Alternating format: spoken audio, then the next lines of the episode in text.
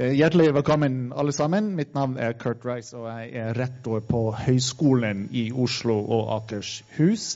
Eh, hjertelig velkommen til oss, spesielt dere som ikke er her hver dag. Eh, her ved HiOA så er vi veldig fokusert bl.a.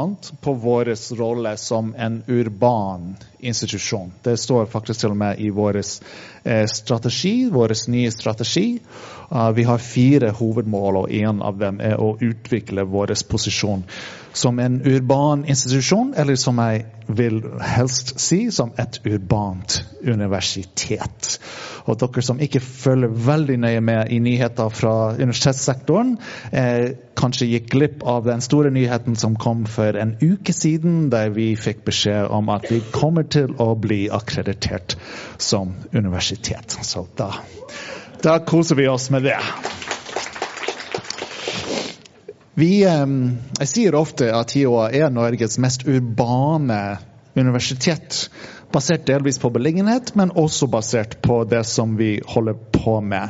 Vi har eh, institutter som NIBER, Norsk institutt for by- og regionsforskning, og AFI, Arbeidsforskningsinstituttet, som, som har dette som et hovedfokusområde. Og vi ønsker også å bringe disse temaene inn i våre utdanningsprogrammer og holde på med å utvikle et urban studies-grad. Eh, Men en av de viktigste tingene som en institusjon for høyere utdanning og forskning forskning gjør, er å, er å bygge et forskningsgrunnlag for politikere som skal ta viktige beslutninger.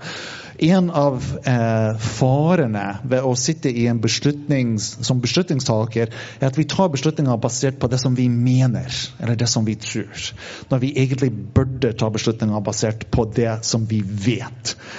Det skjer ofte at jeg hører noen gjøre nettopp det. De sier vi mener dette, og så beslutter vi sånt. Og Hver gang jeg hører det, så tenker jeg jeg har ikke gjort jobben min. Jeg har ikke vært flink nok til å komme i kontakt med beslutningstakere og gi dem den forskningsgrunnlaget som de trenger for å ta beslutninger. Det skjer til og med i Kunnskapsdepartementet at man tar beslutninger basert på meninger og ikke kunnskap. Og det, da har vi ikke vært eh, til stede godt nok. Apropos eh, emnet for dette seminaret i dag så er det sånn at Oslos befolkning blir stadig eldre, og vi trenger mer forskning på eldre, hvordan eldre bruker byen, og hva slags by de ønsker seg, og hva som er essensielt for at vi alle skal kunne delta i samfunnet også eh, så, lenge, så lenge som mulig. Det er mange gode eksempler av forskning fra disse instituttene som jeg nevnte, og andre plasser eh, på HiOA og på andre institusjoner. Eh, vi, må, vi må ha tett dialog mellom beslutningstakere, policymakers og forskere for å få ting til eh, sånn som vi ønsker å få dem til. Og Så har jeg lyst til å avslutte med én siste tanke som jeg vil at dere spesielt skal ta med dere i dag.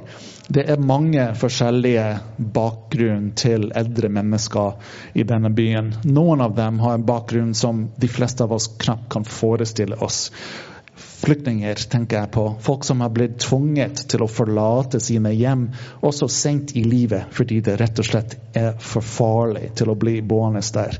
Noen av dem finner veien til Oslo. Jeg ønsker å være en del av en by. Jeg ønsker å bidra til å bygge en by som også gjør det mulig for folk med en sånn flyktbakgrunn til å leve et godt liv når de kommer hit.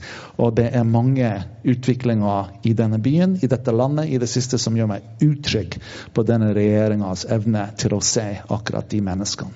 Det syns jeg vi skal ta med oss, også når vi diskuterer eh, hvordan vi skal bygge en bedre by for eldre. Takk. Og da er vi veldig veldig glad for å ha byråd Inge Marte Torkelsen med oss, som er byråd for eldre, bl.a. Og det, det, er flere, det, er flere, deler av den tittelen som jeg må beklage at jeg ikke har full kontroll på. Men vi er veldig glad for at du er her, Inge Marte, og eh, vær så god, ordet ditt. Tusen takk, Kurt. Um, det er et stort område jeg har ansvar for, så det er ikke så veldig rart. I can't blame you. Det er eldre, helse og sosiale tjenester, og innafor der er det et veldig stort spektrum. Men det som er veldig spennende med det, er at jeg har ansvar for veldig mange menneskesystemer. Og det som er med mennesker, det er at folk er folk. Det er noen grunnleggende ting som vi trenger for å kunne fungere godt i et samfunn. Og vi skiller oss egentlig ikke så veldig mye fra hverandre hvis vi liksom koker det ned til det som er aller viktigst. F.eks. det å bli behandla som et menneske, som et individ, som er helt spesielt, men som også har en familie, en historie, eh, et liv. At du ikke bare blir en bruker eller en klient eller en pasient i møte med et system som plutselig gjør deg til medlem av en gruppe. For F.eks. når det gjelder eldre, så kan vi veldig lett begynne å tenke at eldre er sånn. Akkurat som med flyktninger, som du var inne på. De er sånn. Eldre trenger hjelp, f.eks. Ja, det kan jo stemme. Men det er jo også veldig mye annet som eldre trenger for å være medlem, et fullverdig medlem av samfunnet. F.eks. å få lov til å delta. F.eks. å ha noe å stå opp til om morgenen som gir livet mening. Å kunne bidra med sine ressurser. Det er utrolig viktig, og det er egentlig ganske undervurdert. Eh, det der med mestring, f.eks. Når jeg ser på, på, deg, Heidi. Heidi Karstuen Nordahl har vært prosjektleder for Aldersvennlig by i Nordre Aker. Og ekstremt opptatt av å snakke om folk. Folka. Og se på hva er det folk ønsker å bidra med, da. Også folk oppi åra. Og folk har så mange ideer og tanker og ønsker om å få lov til å delta. Men så er det ofte vi som kommune eller andre som møter da eldre, som lager stengslene. Og ofte så sitter de inni huene våre. Fordi vi lager begrensninger i møte med mennesker. Og det kan, jo gjøre, det kan føles trygt, det kan gjøre at du bevarer en ekspertrolle f.eks. Men vi går glipp av utrolig mye. Masse kunnskap, masse ideer, masse ting som vi kan få til hvis vi samarbeider. Og jeg er veldig opptatt av, siden vi er her på høyskolen ja. Jeg er opptatt av det med god kunnskapsbasert praksis, og hva kunnskap er. For kunnskap er mange forskjellige ting. Kunnskap er forskning, men det er også erfaringskunnskapen til fagfolk som jobber f.eks. på eldrefeltet. Og det er det som ofte kalles brukerkunnskap. Altså den kunnskapen som jeg får når jeg f.eks. er pårørende til min mormor i eldreomsorgen i Oslo. Eller når jeg er pårørende til min venn i psykiatrien. Eh, som ikke har, hun har ikke familie. Da er jeg hennes pårørende. Da sitter jeg med kunnskap etterpå. Mens hun, mormor, sitter med kunnskap som bruker da, av eldreomsorgen. Eh, og den kunnskapen, den trenger vi å få tak i. På samme måte når vi skal utvikle et, eh, en tilgjengelig og inkluderende urbant miljø som fremmer aktiv aldring, som er definisjonen på aldersvennlig by tilgjengelig og inkluderende urbant miljø som fremmer aktiv aldring. Da må jo vi høre med folk som sjøl veit hvordan det er å være eldre. Om hva som skal til. Og vi må ikke bare spørre én. Vi må spørre mange. Og så må vi gjøre det som vi f.eks. har gjort her i Oslo, i, under paraplyen Aldersvennlig by. Vi har tatt med eldre, noen sitter her som har vært med på det, eh, ut for å filme eller ta bilder av byrommet. Hvordan ser det ut sett med eldres øyne? For at vi kan jo, jeg som er ung, da, eller middelaldrende eh, Jeg kan jo ha ideer om hvordan det er f.eks. Eh, å bruke rullator. Men jeg bruker ikke rullator. Det nærmeste jeg har kommet, er å trille barnevogn. ikke sant? Eller å gå sammen med mormor, eller å sykle mormor i sånn elsykkeltaxi, som var en helt fantastisk opplevelse for øvrig. Eh, men jeg veit ikke hvordan det er, hvordan det kjennes å ikke komme fram og alltid måtte spørre andre om hjelp. Alltid føle seg som en byrde, f.eks. Det veit ikke jeg. Så vi må etterspørre den kunnskapen. Og så må vi legge forskning, erfaringskunnskap fra fagfolk og fra innbyggerne våre, eller brukerne, eller hva vi skal kalle dem. da Eh, eldre sjøl og pårørende oppå hverandre. Og det må telle likt. For da får vi god kunnskapsbasert praksis. Men jeg opplever at forskningskunnskapen nesten alltid får lov til å trumfe den andre kunnskapen. Og da tenker jeg at vi går glipp av noe. Andre ganger så lener vi oss for tungt på enkeltpersoners kunnskap, og så glemmer vi forskning. Det er i samspillet her at vi kan utvikle Oslo til å bli en ordentlig aldersvennlig by. Og jeg må takke Høgskolen for det samarbeidet med denne forelesningsserien. Det er kjempestas at dere ville være med på det. Og vi har noen folk i min avdeling som bare brenner veldig veldig for dette. Anne Berit for eksempel, og Kristel, som jobber masse med det. Og som er kjemperessurser for oss. Anne Berit har også vært hospitert i WHO-systemet, altså Verdens helseorganisasjon. Eh, og lært hvordan man kan jobbe systematisk ikke sånn litt her og litt der, men systematisk for at alle sammen jobber i samme retning med å gjøre en by inkluderende og tilgjengelig i et urbant miljø som fremmer aktiv aldring. Det her krever jo at alle jobber på den måten. Og at vi slutter å anta på vegne av andre hva som er best for dem. Vi må spørre, vi må ha ydmykhet. Vi må skjønne at det er masse vi ikke kan. Og det er bare da vi kan klare å få dette til. Så er det kjempemorsomt da, jeg skal slutte nå, med Nordre Aker, som da utvikla 21 tiltak. Et av dem er Ruter Flex, som er en buss som kjører en rosa buss, som kjører rundt og plukker opp folk. Og kjører dem dit de skal, men hvor de også da på veien får muligheten til å være sammen med mennesker. For ensomhet er et giga folkehelseproblem. Og eldre blir ofte ensomme fordi de mister venner og nettverk. sant?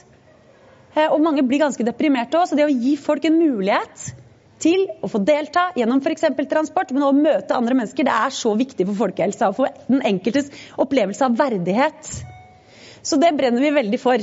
Og dere har også laga sånn treningsapparater og sånn Myrejorda har blitt utvikla. Og der har man spurt eldre hva mener dere at dere trenger, og tilrettelagt for generasjonsblanding. Altså at yngre og eldre møter hverandre. Og det ikke sant, med de flyktningene, Kurt, det er så nydelig at dere har engasjert dere, og du personlig, i det. Det også, jeg mener, Mange eldre i Norge har erfaringer med det å oppleve krig. Eller de har vært veldig tett på det. Og etterkrigstida. Og har masse å bidra med i møte med flyktninger. Og vice versa. Mens vi lager bokser, og så plasserer vi folk ut fra merkelapper inn i de ulike boksene. Det er ikke å fremme et inkluderende miljø. Så vi må bryte ned det og tørre å møte hverandre som mennesker, fordi vi har så mye felles. Da blir vi en varmere by. Nå skal jeg gi ordet videre til Odd Gran, mister Odd Gran. Eh, som er eh, en gammel hed hederssenior. Ja, altså Dvs. Si fra noen år tilbake. Eh, det er evig ung, som bare aldres på utsiden. Ikke så mye heller for øvrig, men litt. Og som ellers driver tenketank på Bogstad. Og har også mottatt Kongens fortjenstmedalje tidligere og vært leder av seniorrådet vårt, altså Eldrerådet, sentralt i kommunen. Så hjertelig tusen takk til deg. Takk skal du ha. Takk skal du ha.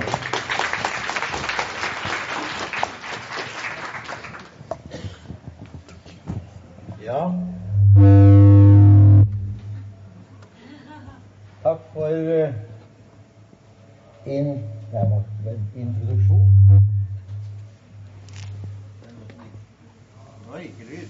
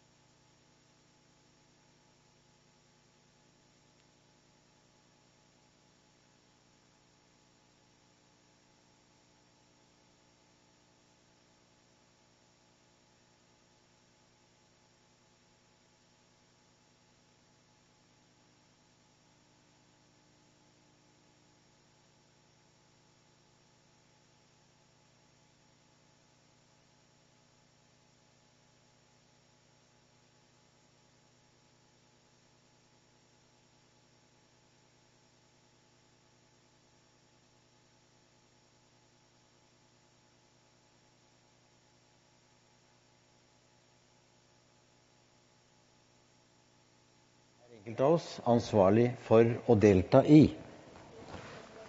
Særlig ved å påvirke dem som sitter med beslutningsmyndighet.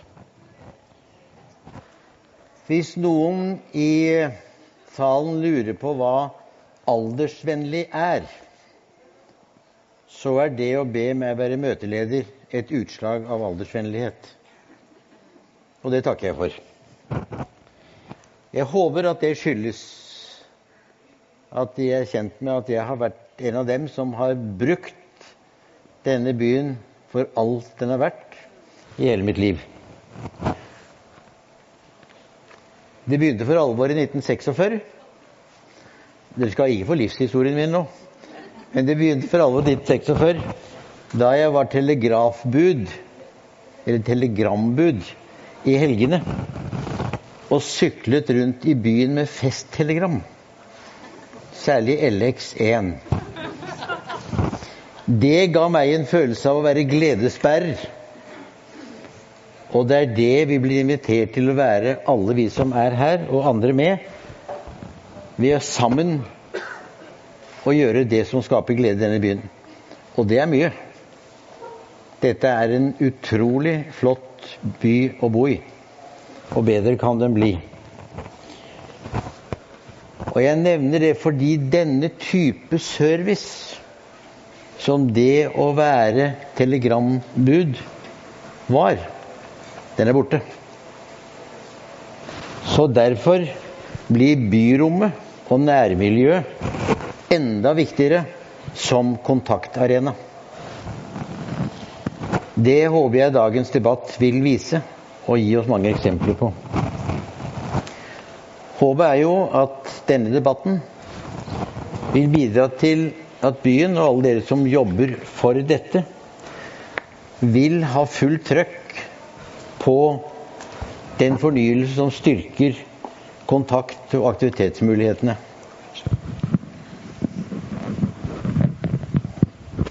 Det var hyggelig. Det kan bare bli stående.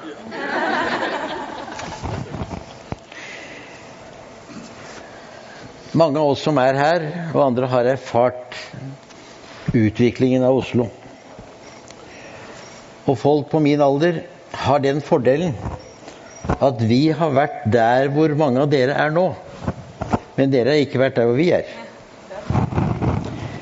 Sammen kan vi alle bidra til at byen vår ruster seg til å ta imot de mange nye eldre som kommer.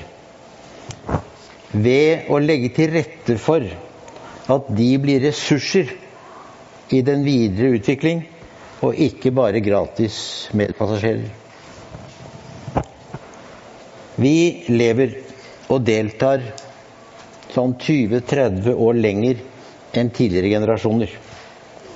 Nettopp fordi vi deltar og er aktive. Og jo mer vi bruker de tilbud bud som byen gir, jo flere blir av dem.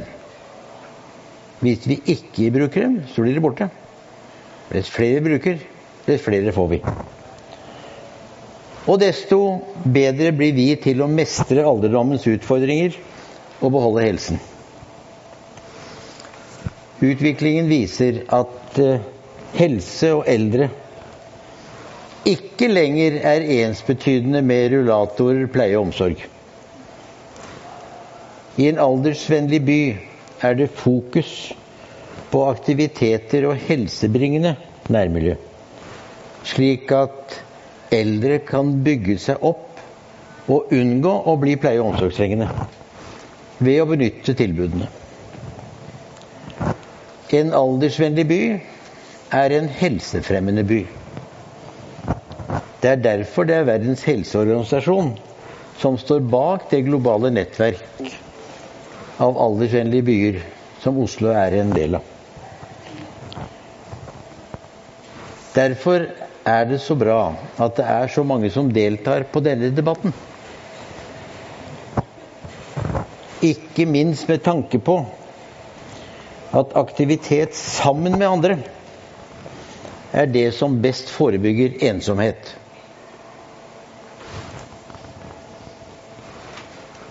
Og som mange av dere arbeider med å forebygge. Alt dette må gjøres som en helhetlig innsats. Det hjelper ikke hvis det sitter noen små grupper her og der og noen større der og der, men det er helhetlig innsats. Det er altså rett og slett Det må være samsvar mellom det vi gjør. Alle sektorer i Oslo kommune er mobilisert for å legge til rette for et inkluderende og tilgjengelig urbant miljø med mer samfunnsdeltakelse, ikke minst fra de eldre selv, som i særlig grad vil ha fordel av inkluderende nærmiljøer og byrom. Bedre transport, tilrettelagte boliger, gode helse- og omsorgstjenester. Alle tilbudene som fremmer positiv og aktiv aldring. Folk som bor litt utenfor Oslo, opplever ikke dette. Derfor opplever vi ofte at de har det jeg kaller et litt forkjølet syn på byen vår. De synes den virker kald. Men allikevel strømmer de til. Så det kan ikke være så gærent. Og mange kommer for å bli. Og de er hjertelig velkommen, særlig som medspillere i utviklingen av aldersvennlige tiltak. Handlingsplanen for alt dette håper vi skal bli den store julepresangen til oss alle i år, når det blir vedtatt ganske snart. Den blir et viktig verktøy. Men også den blir realiteter først når den blir implementert i handling.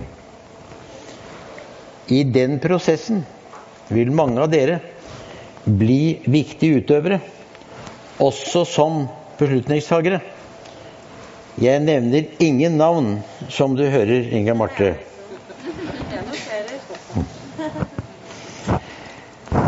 Som Inga Marte sa, Nordre Aker har vært pilotbydel for dette de siste par-tre årene. Med oppsiktsvekkende gode resultater. Flotte transportløsninger, aldersvennlige nærområder, mobilisering av lokalbefolkningen, digitale løsninger for å koordinere frivilligheten, opplæring av lokalt næringsliv i alders- og demensvennlighet, samarbeid mellom generasjonene, etablering av seniorhus osv. osv. Erfaringen fra denne piloten og fra følgesbydelene Sagene og Frogner skal så spres til alle bydeler. Jeg har sagt, og kan gjenta her, at de aktive medarbeiderne i Nordre Aker bydel har ikke benyttet Jeppe-metoden. Jeppe-metoden ble lansert av Rolf Wesenlund da han spilte hovedrollen i Jeppe og Bjerga Holberg. Og det er, i den, det er en scene som han improviserte, riktignok, der hans bistre hustru endelig langt i formiddagen klarer å få liv i ham og sier 'Nå, Jeppe, hva skal du gjøre i dag, da?' 'I dag skal jeg gjøre ingenting.' 'Ja, men det gjorde du jo i går også.' 'Ja, men det ble ikke ferdig.' Og det å gjøre ingenting er altså ikke løsningen. Og det er det Nordre Aker har vist, at de har gjort altså stikk motsatt av Jeppe-metoden. De har gjort. De har engasjert. De har fått med mange, mange eldre og andre til dette fellesløftet, som vi bare ser så vidt begynnelsen av. Og dette er det som blir helt avgjørende at vi får til når nå Oslo vokser jevnt og trutt. Tallene viser, når det gjelder eldre, at vi var 90 000 over 60 år i 2012. I år er vi 110 000, og i 2025 er vi 120 000. Altså i løpet av 13 år har byen 30 000 flere innbyggere over 60 år. Som vel å merke er sprekere og bedre økonomisk stilt enn generasjonene før oss. Dette er ressurser. Ressurser som gjerne vil medvirke til å gjøre byen mer aldersvennlig, bare det legges til rette for deres deltakelse. Og det er politikernes ansvar å legge til rette for. Så vil de eldre utøve mirakler, tror jeg. Jeg må også ta opp det som er en stor utfordring i byen, nemlig ensomheten. For faren for ensomhet er størst hos dem som ufrivillig blir alene. Og dem som kommer ukjente til byen. Deres hovedutfordring er Nå skal jeg gå og hente den jeg skal vise dere. Der står.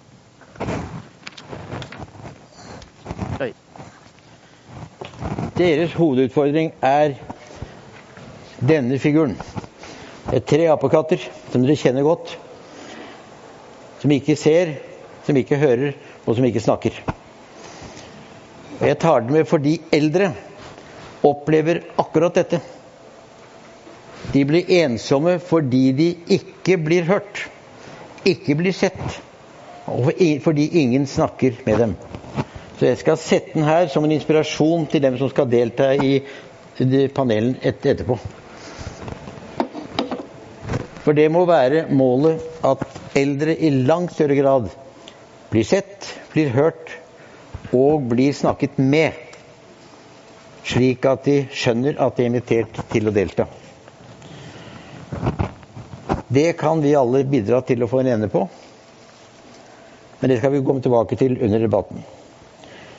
Først så skal vi nå få noen tanker fra forskere. Etter det får vi en debatt med tre og en halv deltaker. Inviterte deltakere. Jeg skal forklare hvorfor det blir tre og en halv. Og etter det blir det åpent for spørsmål og kommentarer fra salen. Men først nå så skal vi få høre om seniortråkk. Hva er eldre opptatt av i eget nærmiljø og i byen? Og det er det Guri Mette Vestby som skal fortelle oss om. Hun er en viktig fagperson og forsker ved Senter for velferds- og arbeidslivsforskning ved NIBR. Norsk institutt for by- og regionforskning. Så vi har fagfolket med oss. Så vær så god, Guri Mette Vestby. Takk til Odd Gran for inspirerende innledning. Jeg kommer til å huske de der eh, apekattene dine fra nå av. Jeg tror jeg kommer til å ta et bilde av de og ha dem med i et foredrag hvis jeg får lov til det.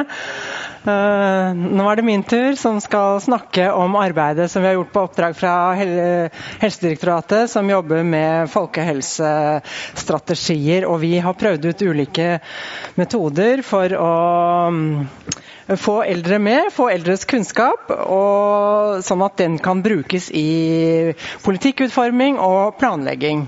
For det er jo sånn at Alle er jo enige om prinsippene med aldersvennlig lokalsamfunn, men det er jo først når det blir konkrete eh, handlingsplaner på konkrete steder, det er akkurat i den bakken, på det senteret, på det kulturarrangementet, det er sånne ting, det er da det blir realisert. Det er det samme som om vi alle er jo enige at det er viktig med gode oppvekstkår, men det er veldig lite forpliktende.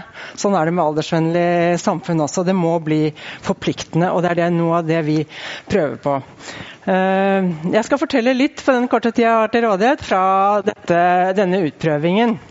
Vi eh, kombinerer folkehelseperspektiv med stedsperspektiv. og Det betyr bl.a. at vi ikke bare ser på eh, egenskaper ved befolkningen i sånn helse, helseperspektiv. Vi ser på egenskaper ved stedet positive ting, mangler negative ting. Eh, det er eh, veldig viktig for å, å realisere, som jeg sa.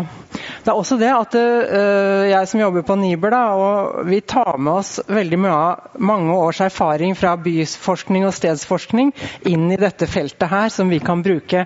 Og vi har jobba masse med medvirkning med andre grupper. Og jeg jobba mye i Groruddalen f.eks. med områdeløft, og i småbyer rundt i landet, og med barnemedvirkning og sånn. Og så kommer da hvorfor i all verden har vi ikke jobbet med seniormedvirkning? Vi har sittet heller og litt, nesten litt sånn klaget på at sånn folkemøter har, der stiller det opp sånne 55 pluss eldre hvite menn, liksom. Som om det var noe negativt. ikke sant? De bryr seg jo, de er positive og engasjerte. Ja, jeg vil også si sånn helt innledningsvis på, i forhold til innledningen her med høyskolen. Da. Vi har jo da eh, på høyskolen mye profesjonsutdanninger på helse og velferd. Vi har mange forskere på, på by- og stedsforskning, og så har vi NOVAs aldersforskning. Så det er mye her som kan kombineres. Eh, jeg må fortelle litt om hvordan vi gikk frem. da. Vi har vært tre forskjellige typer steder. Uh, I Oslo så var vi på Sagene. Vi har jobba sammen med eldreråd og helse- og sosialsektor. Og vi har vært på seniorsentre og frivilligsentraler fordi det var de funksjonsfriske eldre vi skulle ha tak i denne runden. Så der var de som bruker de som stedene som vi, som vi traff på, og på Sagene var vi på seniorsenteret. Uh, og det er folk derfra her i dag, så jeg håper de kjenner seg igjen i det jeg skal fortelle. Um, det er tre hovedtemaer som vi har konsentrert oss om. Uh, det ene er de fysiske stedene, som er uh, tema mye her i dag. Som, som er uh, enten det er uteområder eller plasser, torger, veier, bygninger. Og så er det sosiale møteplasser av en lang rekke ting og aktiviteter som foregår der. Kulturaktiviteter som foregår der. Det er eldre veldig opptatt av. Og så er det alle mulige både offentlige og private tjenester og tilbud. Og alt dette her til sammen er kjempeviktig uh, for aldersvennlige lokalsamfunn. Hva som finnes på sagene av det. Og når vi skriver pluss-minus-mangler, så var det fordi vi undersøkte. Vi spurte hva slags positive kvaliteter er det viktig å ta vare på. Så det ikke forsvinner ved budsjettnedskjæringer, fortettinger, uvettig byutvikling. Og akkurat Det syns de eldre også var veldig viktig at vi tok med. At handlingsplaner ikke bare har med sånn det som mangler og burde bli bedre, og sånn, men at det er ta vare på det og det og det. Det er kjempeviktig. Så vi har lange lister av det. Og så er det disse med negative tingene eller manglene. Det slås litt sammen i rapporten vår, da. Eh, helt kort fortalt så har vi prøvd ut tre eh, forskjellige metoder. Vi hadde et spørreskjema med åpne spørsmål, hvor de skriver med egne ord om pluss, minus og mangler på de tre temaene. Og så vi snakket med dem. Eh, noen ganger skrev vi ned hva de sa. Og så hadde vi denne seniortråkken som jeg skal fortelle litt om her. Og når vi kom tilbake igjen litt etterpå, så presenterte vi resultatet for dem. Dette har dere funnet ut. Kjenner dere igjen i det? Og Det tror jeg de satte veldig stor pris på. Og så var det en del ting vi hadde misforstått litt, så vi fikk korrigert, supplert osv. Det var en veldig nyttig måte da, å gjøre. Og så hadde vi en sånn form for dialogverksted hvor vi, hvor vi diskuterte forslag og innspill. Men seniortråkk, altså. Det har jo fått en del oppmerksomhet. Her er vi på Sagene da, med disse spreke, funksjonsfriske eldre. Eh, de lastet ned en app på smarttelefonen sin, og så eh, kunne vi gå ute sammen med dem i området. Og ha et sånn touchpoint hvor de sier, eh, kommer på et kart, registrerer fornøydhet, misfornøydhet, ta bilde. Skrive eller snakke inn hva det var som var pluss, minus og mangler ved det stedet. Og så etterpå, i 14 dagers tid etterpå, så var det flere av dem som da møttes på seniorsenteret om formiddagen. Og så gikk de ut i området med et nytt blikk. da, Litt sånn miljødetektiver som unger driver med. ikke sant? Eh, og så fant de ting som var, var, veldig bra eller veldig dårlig eller mangla. Og fordelen med dette her, det er at det kom rett inn på skjermene til oss forskere da, på Nibro AFI. Så det var eh, veldig lett å bearbeide det. Ellers kan man jo gjøre sånn på papir, og man kan snakke med dem og sånn. Eh, det, det, er jo viktig også hvis vi skal få kommuner til å gjøre sånne ting eh, selv etterpå. Men veldig rasjonelt. da, Vi fikk veldig mange, mange innmeldinger. og da Alt fra hvor det er trygt og utrygt, og hvor det er vanskelig å ferdes, hvor det er, hvor det er veldig fine områder. Litt fra det som vi kommer frem til her, da.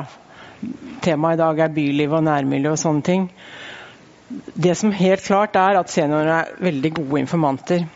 Og så får vi sånn som det første punktet her, vi får veldig konkrete forslag og innspill. Men ikke bare det. Vi får økt forståelsen vår for eh, hvordan det er å være eldre. Hvordan det er, altså Nærmiljøet betyr mye mer når man blir pensjonist, fordi de er mye mer ute i det nærmiljøet hver dag ofte enn vi som er på jobb og sånn. ikke sant? Eh, så, og, og, de har utrolig mye kunnskap om stedet fordi de har bodd der veldig lenge og virka der veldig lenge. Uh, og så får vi innsikt i den der samspillet mellom det fysiske og det sosiale, som er, er viktig i planlegging og politikkutforming. Og alle de stedene vi var, så, så var det helt utrolig hvor viktig det var med disse urbane eller sentrumsnære uh, turmulighetene i uh, skogsområder eller i parker osv. Uh, grønne, grønne lunger hvordan det er veldig lett å bruke, det er kjempeviktig. Um, og så får de veldig konkrete steder som løftes frem. På Sagene så var det helt tydelig at alle de der traseene langsetter Akerselva uh, var, var, viktig. Og, og mange, dere ser mange av de helt konkrete stedene som de, de, har. Og faktisk så er det veldig mye. Det er et urbant byliv, men det er, er veldig mye også sånne grønne områder. Veldig viktig for uh, folkehelse. Ja, du bor der, ja! Akkurat, så du vet hvordan det er der. Ja. Og her er liksom innspill som går på at Det var veldig konkrete steder disse innspillene var kobla til. Da, som jeg sier, ikke sant? Det var akkurat den strekningen osv. Men det at de må sikre, de, sikre disse grøntområdene mot nedbygging og fortetting. Og så er det fysiske tilgjengeligheten akkurat der er det vanskelig å komme opp på den fortauet eller over der. Det var noe trafikksikkerhet, så vi tør ikke gå på senteret, for det er så mye trafikk akkurat sånn. ikke sant? Veldig konkret. Og jeg har hørt så mye om benker i dette prosjektet. På Eidskog og Sarpsborg og, og Sagene. Se å få ut noen flere benker, for da går eldre veldig mye mer. Og de vet akkurat hvor det mangler, hvor det er for lange strekk til at, eh, at de går selv.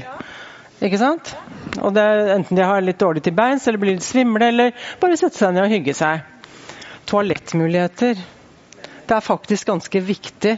Hvis de skal gå fra Kjelsås og ned til Sagen igjen, ikke sant? de kan ta trikken opp, så må de vite hvor de kan gå på toalettet. Om de setter ut nye, eller om de lager en kart med sånn som man gjør til turister, og ser der er, på den kafeen er det lov å gå inn, og der fins det noe, men gjør noe med det. Så er de veldig opptatt av det med turgrupper. Få flere turgrupper, sånn som alle kan være med i.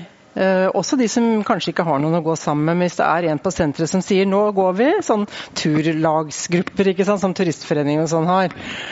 Eh, og at det er noen sånne trimapparater som de tydeligvis har gjort i Nordre Aker. Ikke? Sånne, mye utlandet. Vi, først så begynte vi å le, vi så sånne kinesiske damer som drev ute i parkene. Vet du. Det var litt sånn uh, unorsk. Men, uh, men nå kommer det her. Det er helt tydelig. Og så er det masse om belysning. Altså Det er teknisk, teknisk, etat, jeg vet ikke hva det heter i, i, Oslo, hvem som har ansvaret for belysning her. Men her er det mange steder hvor det kunne være bedre lys. Så trygghet og fremkommelighet.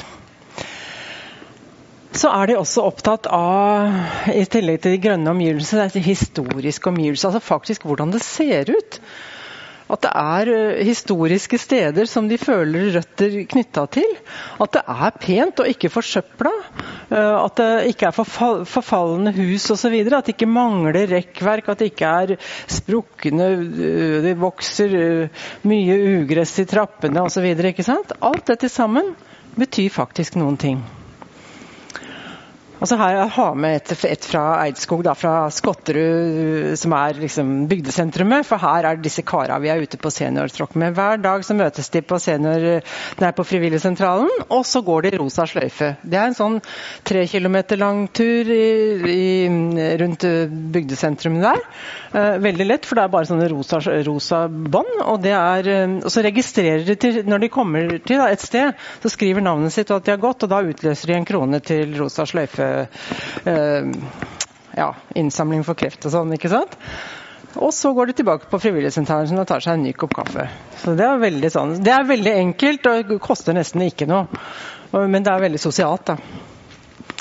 Eh, jeg må si én ting, forresten. Jeg var nettopp på en, en byforskningskonferanse i et annet prosjekt her, og så hørte jeg fra Bergen hvor det var faktisk et prosjekt som het Byen som din personlige trener, hvor det var altså fysioterapistudenter fra høyskolen, det har vi jo her òg, som sammen med arkitekter tenkte hvordan kan du bruke byrommet til å trene litt mer.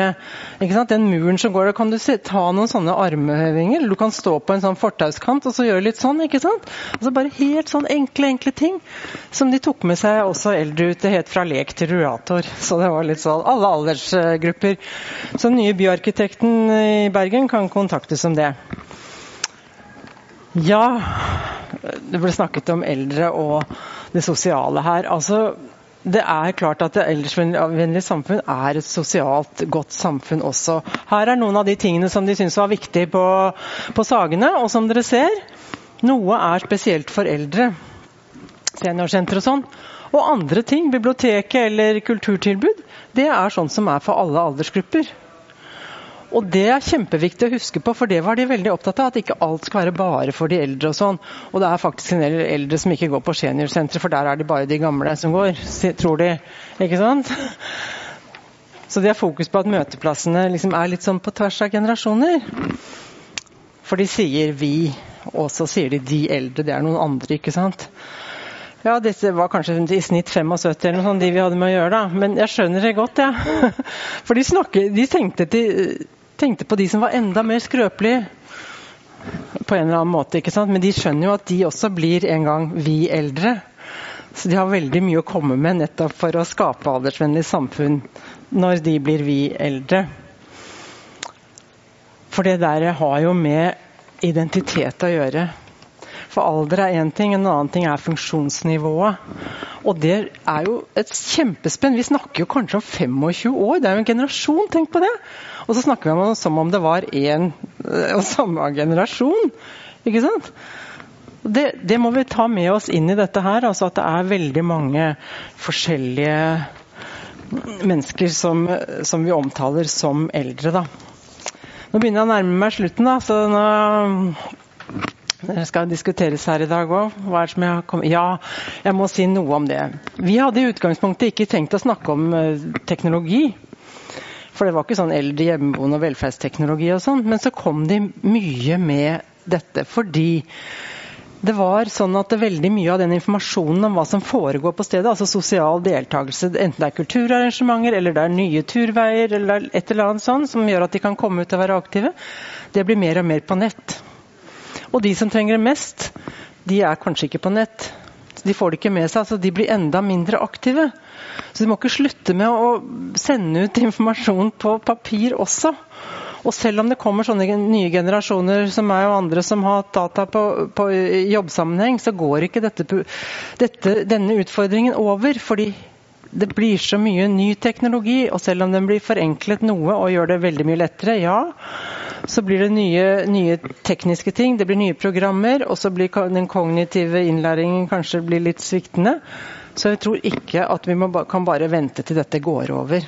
Vi må forholde oss aktivt til det. Og det skriver vi en del om i denne rapporten, da, men jeg syns jeg bare måtte si litt om det her. Ta det med videre. Og så vil jeg si, eh, når det nærmer seg slutten her, at lokalsamfunn lokalsamfunnet for sosial samhørighet og tilhørighet, sier vi, fordi de deler mye, disse eldre. Selv om de er jo ganske forskjellige som individer. De deler minnene fra det stedet, for mange har bodd der veldig lenge. Det er mye å snakke om, og det er mye som det, skaper et fellesskap dem imellom. ikke sant? En sånn vi her. Så deler de den situasjonen her og nå, alle de kvalitetene med det samfunnet som er der. Og så deler de noen stedsbaserte betingelser for fremtidig alderdom. Vi her på Sagene vi skal bli eldre her, med de mulighetene og begrensningene som fins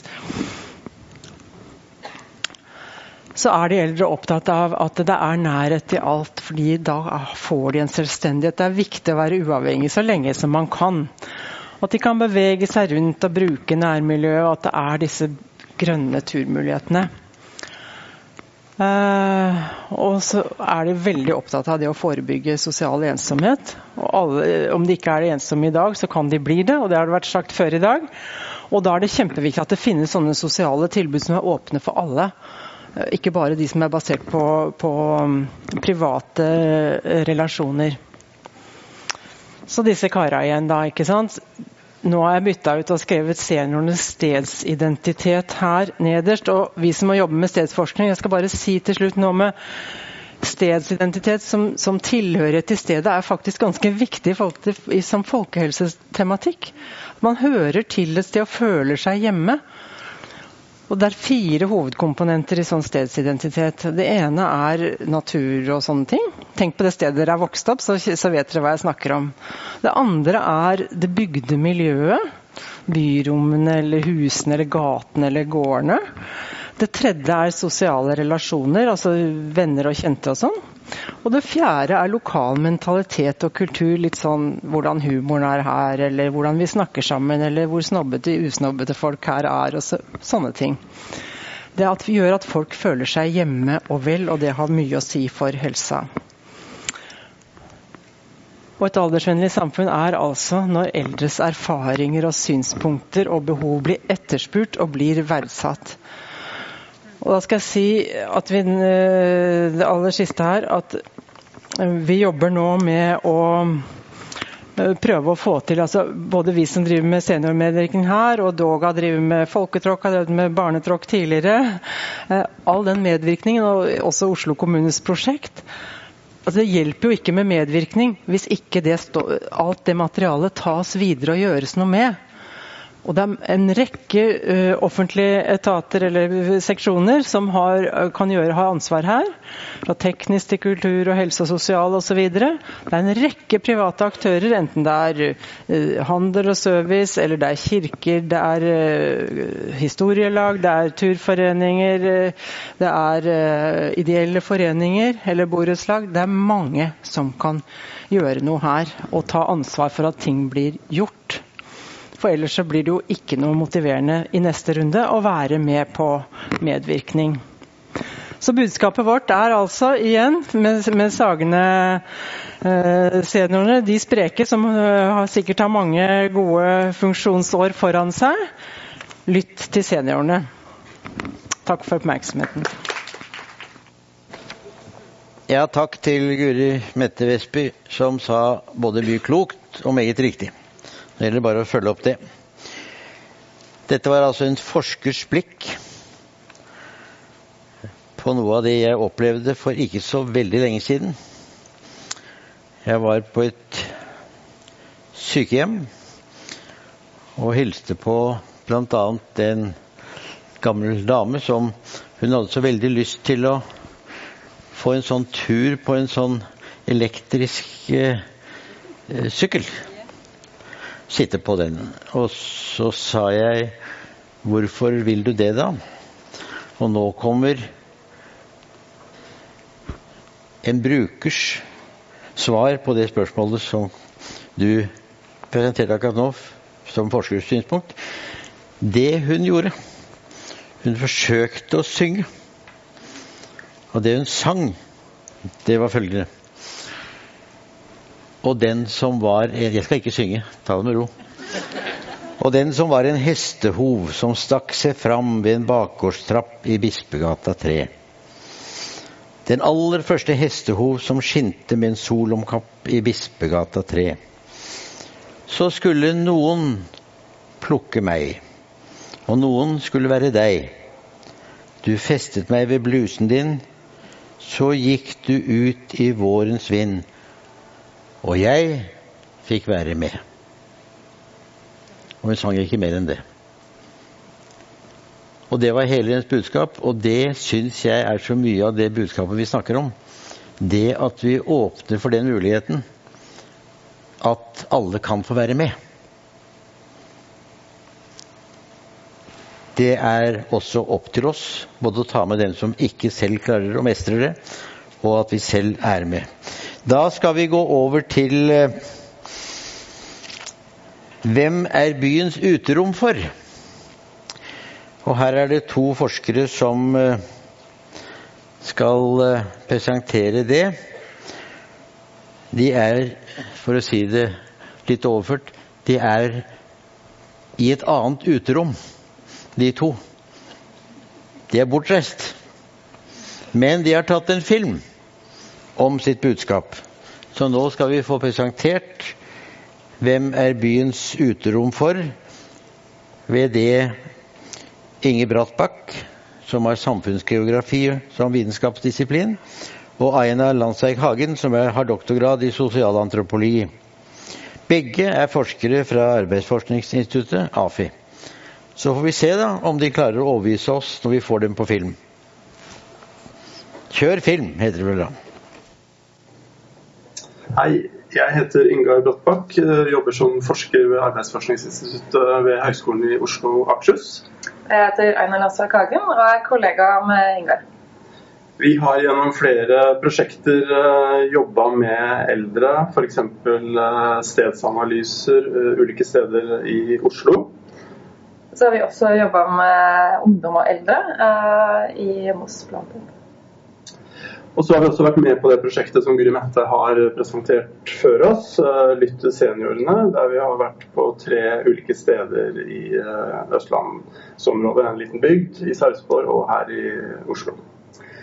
Et av de funnene som er veldig tydelige i materialet, er at de eldre er eh, veldig opptatt av det historiske. De har levd et langt liv, de kjenner stedet godt, de har minner knytta til hva som har skjedd tidligere. Møtesteder og ting i, i, nabolaget som de, eh, som de har en sterk tilknytning til. Et eksempel er fra Sagene i Oslo, der det står en gammel direktørbolig og forfaller. Som nesten alle de eldre der var opptatt av at skulle bevares. Fordi de har, ser verdien av det historiske elementet, hvordan det gir de tilhørighet til stedet. Et annet eksempel er Sagene bad i Oslo. Der er det kanskje både bygningen de er opptatt av, men også det, den aktiviteten, eh, altså det å svømme og treffe folk, som var viktig for dem. Um, og De historiske elementene er jo med på å gi stedsidentitet og atmosfære uh, til et sted. Um, og Vi ser også at det her gjenspeiles i hvem som driver historielaga rundt omkring. Det er stort sett uh, eldre mennesker. Det vi også har sett når vi har eh, jobba med, med, ungdommer og eh, seniorer i Moss, er jo bl.a. at nettopp den overleveringa av den historiske kunnskapen eh, til en yngre generasjon er veldig viktig for seniorer. Men det er også veldig eh, gøy å se hvordan ungdommene plutselig får opp øynene for eh, alt det som skjer rundt dem i byen, og hvordan ting har vært før. Eh, og hvordan det henger sammen med, byutvikling, og eh, hvordan byen endres. Um, og flere av de, de, ungdommene var veldig Når de kom tilbake fra, fra et sånt seniortruck, så sier de vi trodde det kom til å være kjedelig, men det gjorde det ikke. Det var ikke kjedelig. Vi tror de eldre er opptatt av at de unge skal ta vare på historien.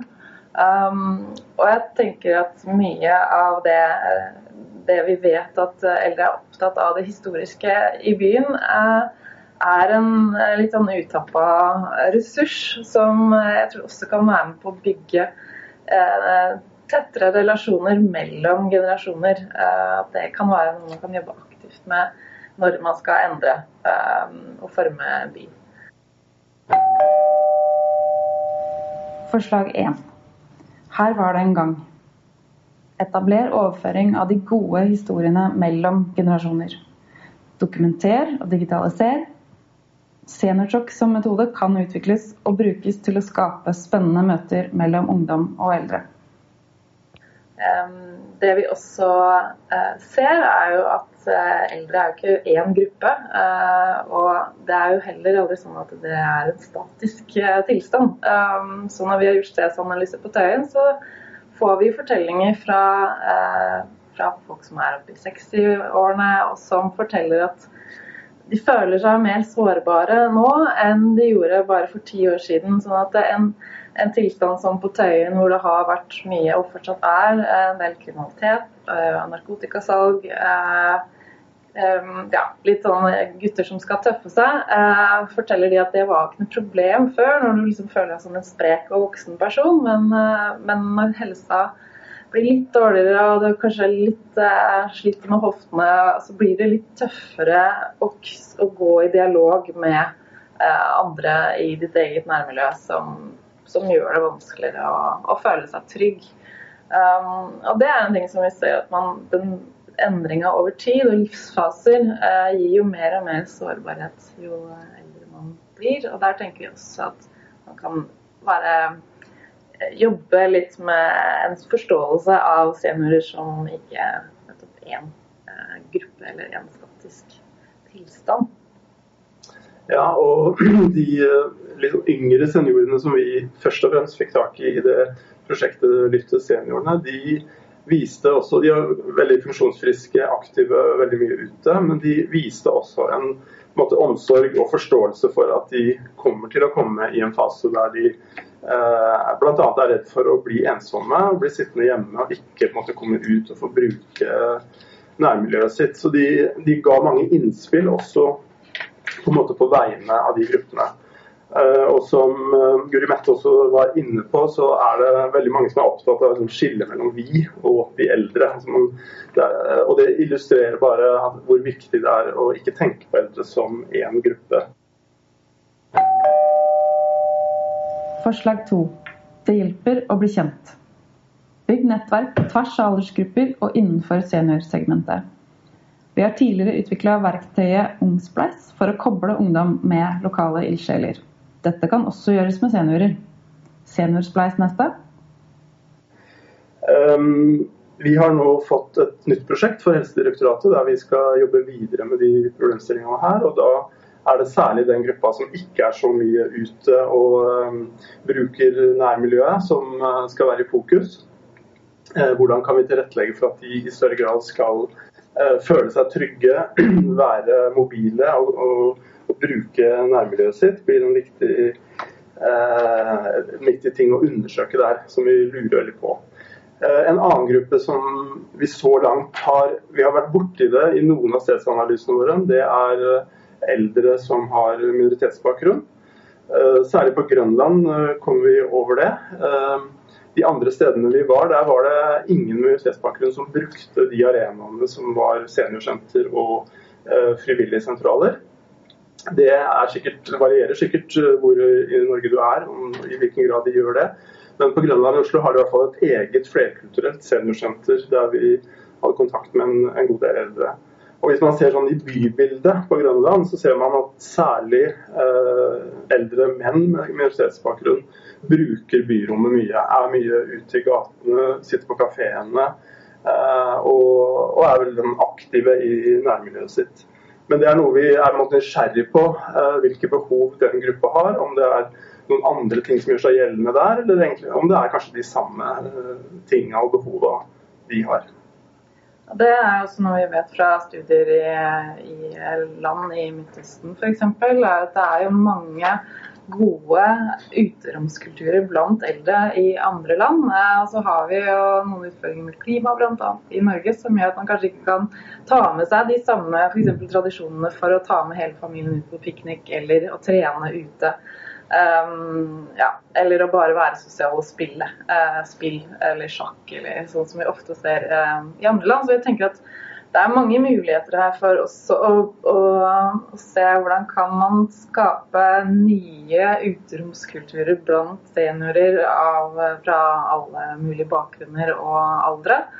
Um, og litt av det vi syns er spennende nå, er å se kan man bruke seniorer trekke de inn i forskningsprosjekter og byutviklingsprosjekter for at de kan ikke bare ha en stemme inn og gjøre liksom, en forskjell sånn, men å være aktive medskapere av gode uterom. Se til utlandet. Hvordan skapes, formes og vedlikeholdes sosiale og aktive uterom i andre land? Finn seniorer med transnasjonale erfaringer i ditt nærmiljø. Ta kontakt, diskuter og hent inspirasjon. Men eh, det som er en nøkkel her, er jo å se hvordan kan du få folk som har eh, seniorer som har mye ressurser, i form av det kan være økonomisk kapital, men det kan også være sosial kapital eller, eller relasjonell kapital, eh, men ikke så mye interesse for å gjøre noe i nærmiljøet sitt. Det har kanskje interessen sin et annet sted, de går tur i marka. Eh, er der, men hvordan kan man få den gruppa eh, til å faktisk bli liksom nøkkelspillere og få den interessen for å faktisk gjøre noe aktivt i sitt eget nærmiljø. Um, samme er jo den gruppa som uh, kanskje kan være litt eldre seniorer, som har litt, mindre ressurser. Um, har mindre nettverk. Uh, er mer sårbare i forhold til helse og førlighet hvordan, men likevel har stor interesse for å gjøre noe, hvordan kan de bli, også bli nøkkelspillere og få opp liksom, ressursene sine på å kunne gjøre en forskjell? Forslag fire. Skap det selv. Legg til rette for sosialt seniorentreprenørskap i nærmiljøet. Bygg infrastruktur som gjør det lettere å gå fra idé til initiativ og gjennomføring. Vedlikehold og videreføring er viktige oppgaver som ofte overses. Så det er noe av det vi har lyst til å jobbe med framover. Um, Mm. ja. Har du noen ting for dag? Jeg kan kanskje nevne et uh, eksempel fra Sarpsborg, der det var en uh, gjeng med eldre menn som var veldig opptatt av vedlikehold av en strand. Der det var snakk om å bygge toalett, uh, lage stien ordentlig osv. Og de samarbeida da med lokal ungdom om å gjøre det her, sånn at de fikk til et sånt prosjekt på tvers av generasjoner. der de altså på frivillig basis uh, vedlikeholdt uh, et område. og og så overførte kunnskap mellom generasjonene. Så mer av den type prosjekter kan jo også være noe som bidrar til en sterkere stedsfølelse og bruk av ulike områder. Bra. takk for oss. Takk for oss.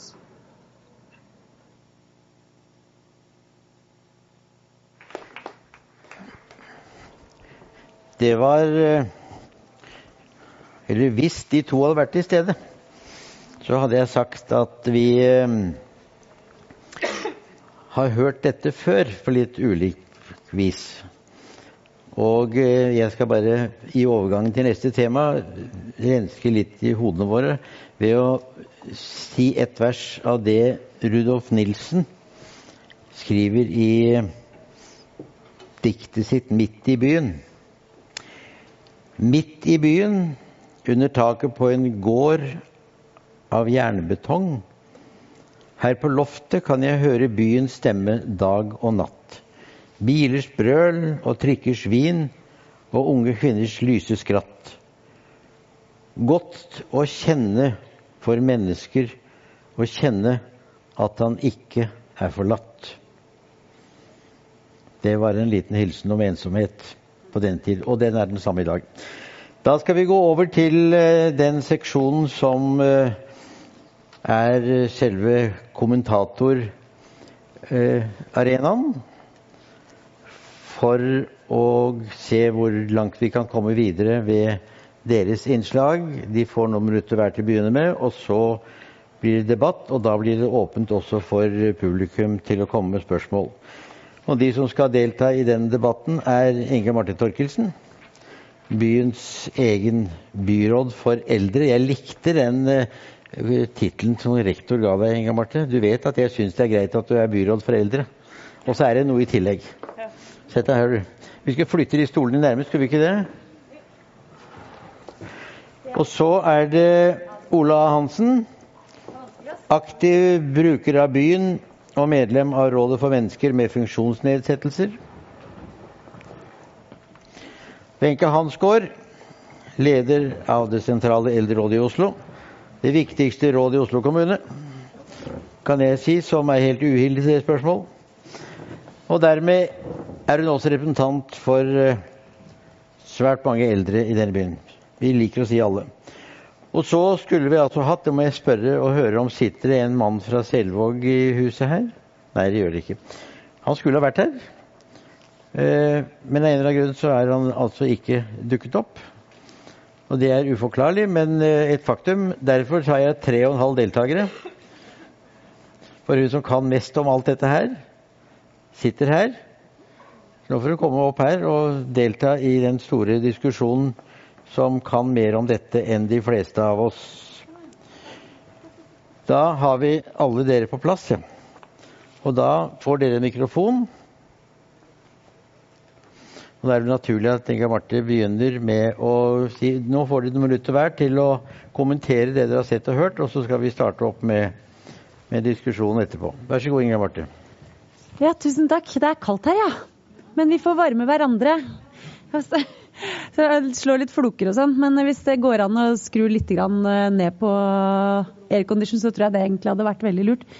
Men eh, jeg har bare lyst til å si at det som er den røde tråd her, det er jo hva slags blikk vi setter på eldre, om vi inviterer med, eller seniorer, inviterer med folk inn til å være med på å skape eh, denne byen sjøl, sammen, i samarbeid. Eller om det er noen som veit best, eller om vi glemmer å spørre osv. Og at vi antar. Og antagelser er jo alle misforståelsers mor. Men jeg ser jo at det er det som går igjen i veldig mye av det vi gjør som blir feil. Det er at vi antar hva andre trenger, og hva som er viktig for dem, istedenfor å spørre. Så det er, og det er ikke noe vi bare kan vedta. Jeg skulle veldig gjerne bare vedtatt det, Odd. Ikke sant? Og bare sagt at men vi sender det jo ut som signal i alle mulige dokumenter. Vi eh, eh, har også delt opp hva er egentlig medvirkning. Beskrevet hva det betyr. Vi gjør det jo i form av seniortråkk eller ved, når vi sender ut folk med iPader for å dokumentere hvordan det ser ut i ulike prosjekter og sånn. Og når jeg sier at når vi skal bygge nye sykehjem f.eks., eller Omsorg pluss nå, så skal eldre sjøl være med på det. Og pårørende og de som skal jobbe der, skal være med og si hva hvordan skal det se ut for at det skal kjennes bra og riktig? Og Da slipper vi å gjøre de feilene som f.eks. Heidi fortalte meg om på Pastor Fangens vei òg, hvor man kjøpte inn ganske dyre greier som viste seg å ikke funke for de som skulle bo der. Og vi kunne ha latt være hvis vi hadde spurt. Ikke sant? Så det er noe med å bruke litt mer tid i innledningsfasen og ha det som en holdning og en mentalitet at sammen så blir Så hvis vi samarbeider, så blir det best mulig. Så det er det første jeg har lyst til å si. Så har vi jo da handlingsplanen på gang. Eh, handlingsplanen for en aldersvennlig by. Og den er i bystyret nå sammen med Plan for trygg og mangfoldig eldreomsorg, som er én del egentlig av aldersvennlig by, men som ofte blir mest diskutert, fordi vi snakker om eldreomsorgen først og fremst. Eh, og det er jo ikke så rart at det blir mye fokus på det, for det handler jo om de som er mest sårbare. Eh, og hvor systemene kan svikte ganske radikalt. Men vi er helt nødt til også å ha med alt det andre, og hvordan vi fremmer helse f.eks. Og, og fellesskap. Eh, og da har vi også en del penger neste år da, eh, til gjennomføring av det. Ti millioner i år, selv om vi ikke hadde handlingsplanen, men som bl.a. har resultert i dette Ruter Flex, da, som er denne transport, denne bussen som kjører på kryss og tvers dit hvor eldre trenger å reise, og som også blir en sosial møteplass på hjul. Eh, som vi tester ut. Det er tilsvarende neste år. 10 millioner da òg. Eh, håper vi da vi har foreslått det til bystyret. Eh, for å kunne utvikle på langs de aksene som aldersvennlig by tar for seg. Eh, som innebærer mange forskjellige ting, men som gir muligheter for å utvikle dette videre.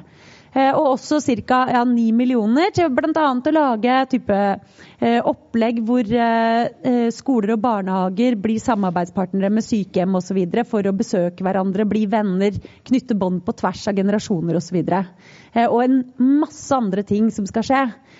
Så det er en god del penger i de systemene, men det er også å utløse den kreativiteten og de ressursene som er i systemet i dag, hvis vi bare bruker det annerledes og tenker annerledes om seniorer. Og da har jeg også merka meg det der med at det blir liksom meningsløst når det er egentlig et enormt aldersspenn å bare behandle eldre som eldre eller seniorer som Det gir ikke mening. Så vi må være mer finmaska enn som så, og være opptatt av funksjonsnivå heller. Så tror jeg vi må se at det som er bra for folk med nedsatt funksjonsevne, det er bra for alle. Det er ikke bare sånn nå skal vi være snille mot dem eller liksom gjøre det bedre for dem. Stakkars. Men det er bedre for oss alle sammen. Da gir jeg den videre. Da er det Ola Hansen ja, som får ordet nå. Vær så god. Det, ja, den er på. Eh, jeg eh, har tenkt å snakke litt om all den tilrettelegginga i disse byrommene som både fungerer og ikke fungerer. Eh, velger det å se fra litt sånn universelt utformingssynspunkt og, og, da har jeg lyst til å utvide det begrepet litt. at det, Vi snakker ikke her bare om millimetere, hellingsvinkler og materialvalg, men, men ser mer på at individene som sådan skal ha såpass utforma rom at de kan brukes Alle arenaer kan brukes av alle, og det er for alle. Eh, jeg skal, eh, hvis tiden tillater, så skal jeg også nevne en del eksempler på ting som kanskje har gått galt, men det er bare bitte små endringer som skal til for at dette er et fullgodt tilbud. Eh, vi har snakket om alle disse rommene vi nå skal bruke, alle disse tiltakene vi har, men på en eller annen måte så må vi også komme dit. Det må være tilgjengelig, sånn at vi, vi, kommer dit. Og jeg har lyst til å lese litt fra en bok som Inge Marie Lid har skrevet, for å belyse egentlig hva jeg mener. Eh, situasjonen og bakgrunnen for det hun har skrevet, er at det er en fylkeskommune som da har pålagt sitt kollektivselskap om å lage universelt utformede holdeplasser.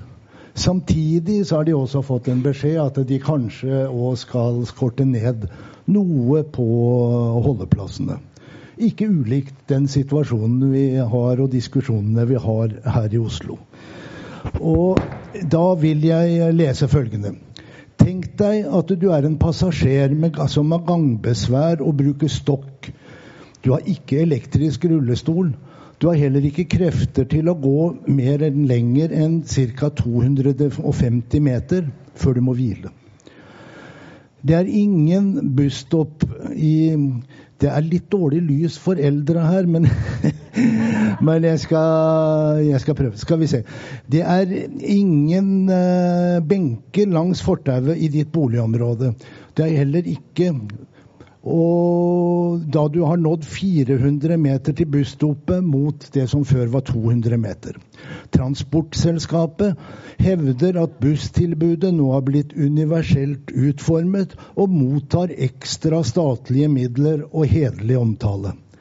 Selv opplever du at du har mistet det kollektivtransportbudet du hadde tidligere, og blir henvist til egen bil eller taxi.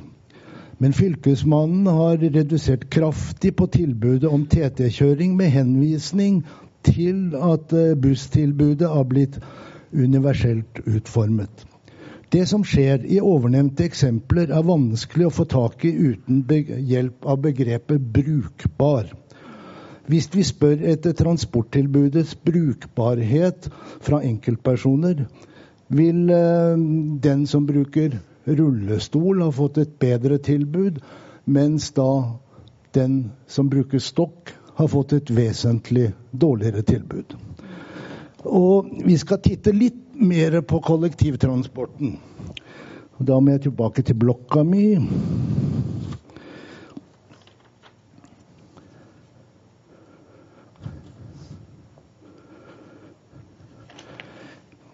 Jeg skal ikke ikke mene noe om eh, avstander mellom holdeplasser eller avstand mellom bane og perrong, eksempelvis Nationaltheatret.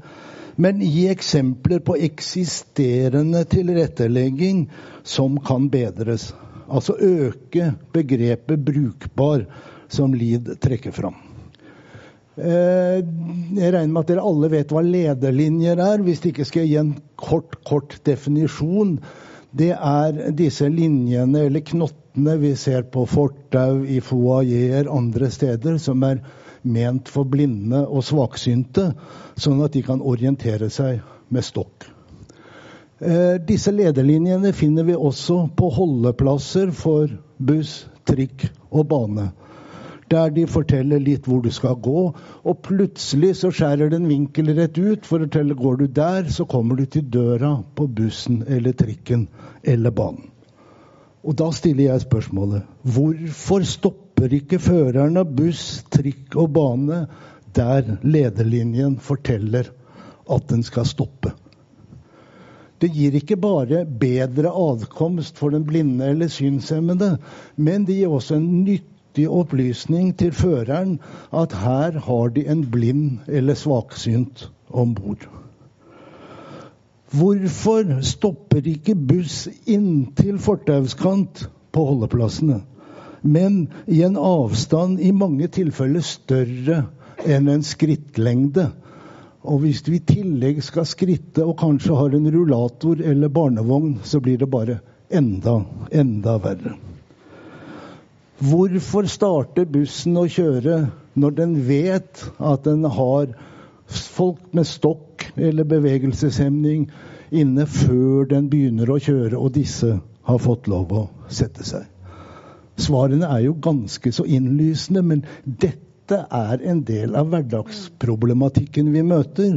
Og det er ikke noe mer enn holdninger og ikke minst opplæring av de som uh, kjører disse farkostene. Og så har det vært nevnt tidligere, og Jeg vil også sikkert tro at den som kanskje kommer etter meg, vil nevne det samme. Dette med benker og sitteplasser.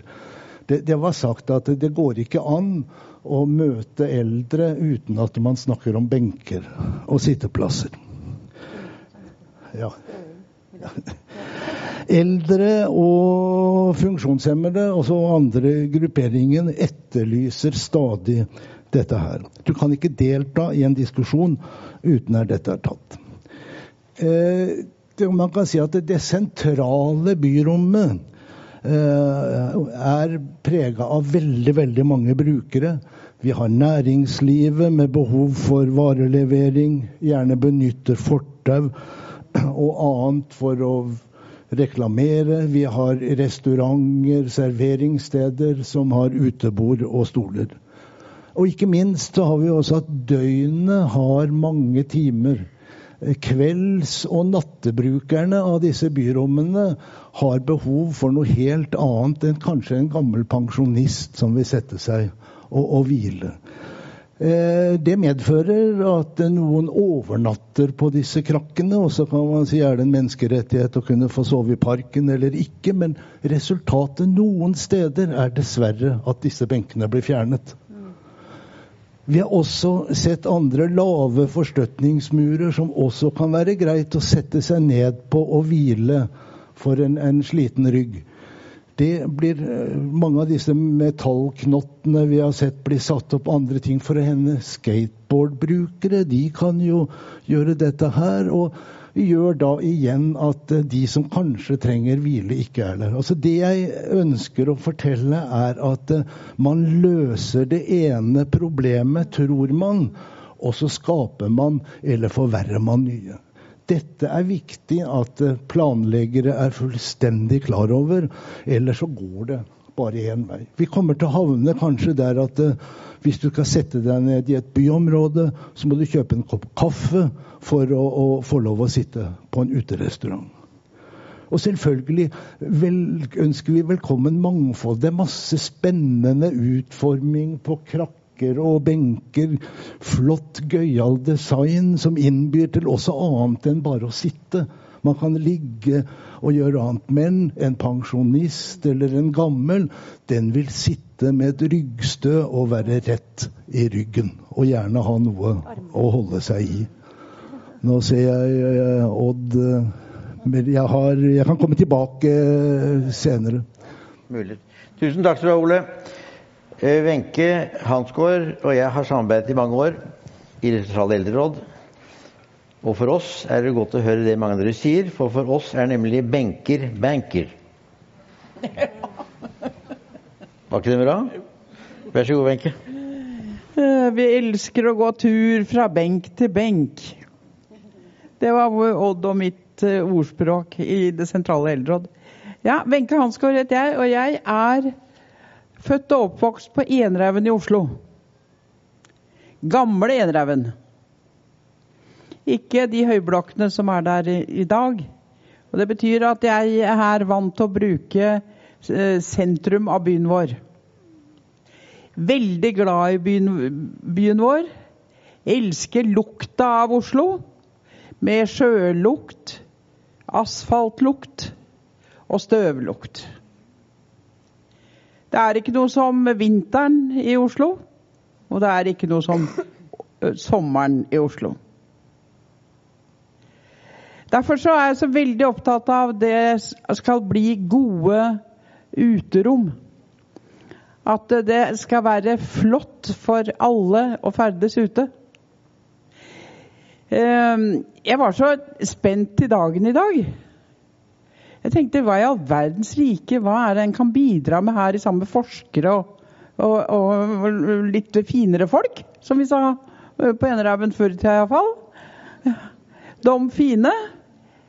Og så, når jeg hørte på det som de har kommet fram til, så var det jo det jeg hadde tenkt å snakke om. Men nå er det jo å snakke om. Så behøver ikke jeg å snakke om det. Så da kan jeg kanskje snakke om det som jeg tenkte bak det jeg hadde skrevet opp. da. Eh, og det er eh, noe jeg har funnet et eh, litt skriftlig, jeg òg da, Ola. Siden du Du kom fra med noe. Jeg fant noe i Obos-blad som jeg syns fanga så veldig godt. Og Det er altså Jan Christian Vestre som har sagt det. Og han er jo da han er direktør for de som lager dette her. Vi er opptatt av å skape gode byrom som er trygge, sosiale og grønne. Utemøblene er et redskap for å skape byer som er inkluderende og demokratiske. Og da tenkte jeg ja, sånn vil jeg ha det i byen min. Men jeg hadde aldri i verden tenkt å kalle det bymøbler. Men det er det nye. Og så tenkte jeg videre Ja, da kunne jeg jo tatt med strikketøyet. Så kunne vi møttes, da, noen par-tre venninner, og sitte da rundt et bord med strikkeoppskriftene. Så nå har vi gått skrittet videre, vi, Odd, og ikke bare skal ha benker. Men vi vil ha bord også, så nå blir det møbler som vi ønsker oss. Og da ha det rundt hele. Mannfolka får finne på litt for seg sjøl. Hva nå dem driver, liker å drive med, det, det får være opp til dem. Eh, sånn som det oppleves i dag, så er benkene som er plassert rundt omkring Må dra fram noe av det mest negative. F.eks. utenfor sentrene så er det kun de som røyker, som har fått benker. Nå slutta jeg for syv år siden. Jeg får jo så innmari lyst på en røyk når jeg sitter der på de benkene utafor sentrene, for jo, de sitter jo og røyker alle sammen. Men jeg liker å gå ut av senteret, sette meg ned og se litt på det livet som er rundt omkring. Men det opplever dere sikkert alle, at der hvor det er en benk i nærheten av noen handlegater, så er det altså bare askebeger i nærheten. I dag så tok jeg T-banen ned til Grønland. Og da skulle jeg gå Brugata bortover til Det blir Storgata, det, da. Første. For jeg skulle ta trikken videre hit. Og det skulle jo bli gågata på øh, østsida. Du verden så trist det var. Ikke en eneste benk. Ikke én!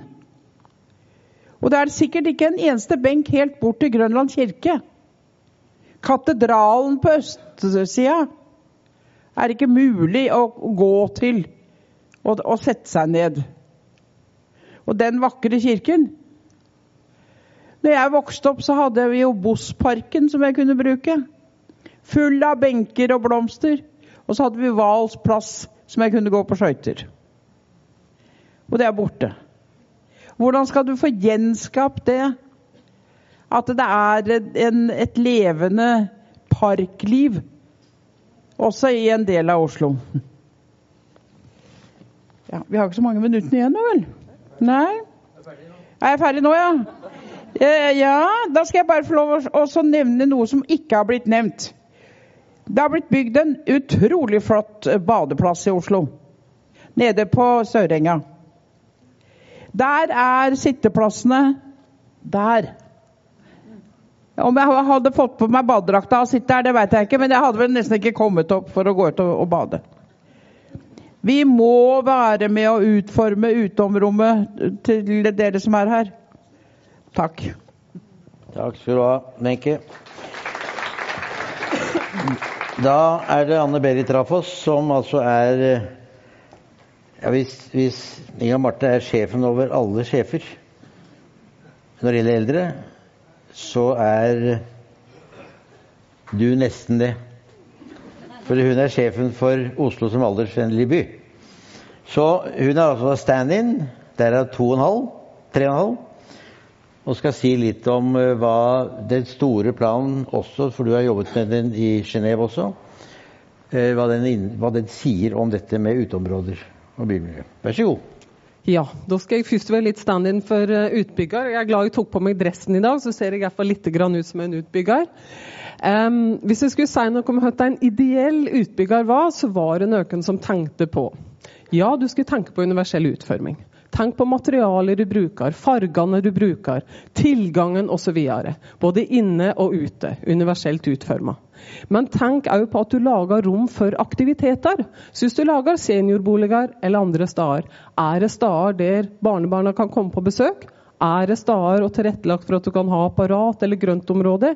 Ikke bare tenk bu og komme deg fra A til B, men tenk òg aktiviteter. Og Det hadde vært utrolig flott hvis utbyggere tenkte på mer og mer. Jeg tror det er blitt sagt veldig tydelig i dag hvor viktig det er å ha med de eldre i den prosessen, så jeg trenger ikke si mer om det.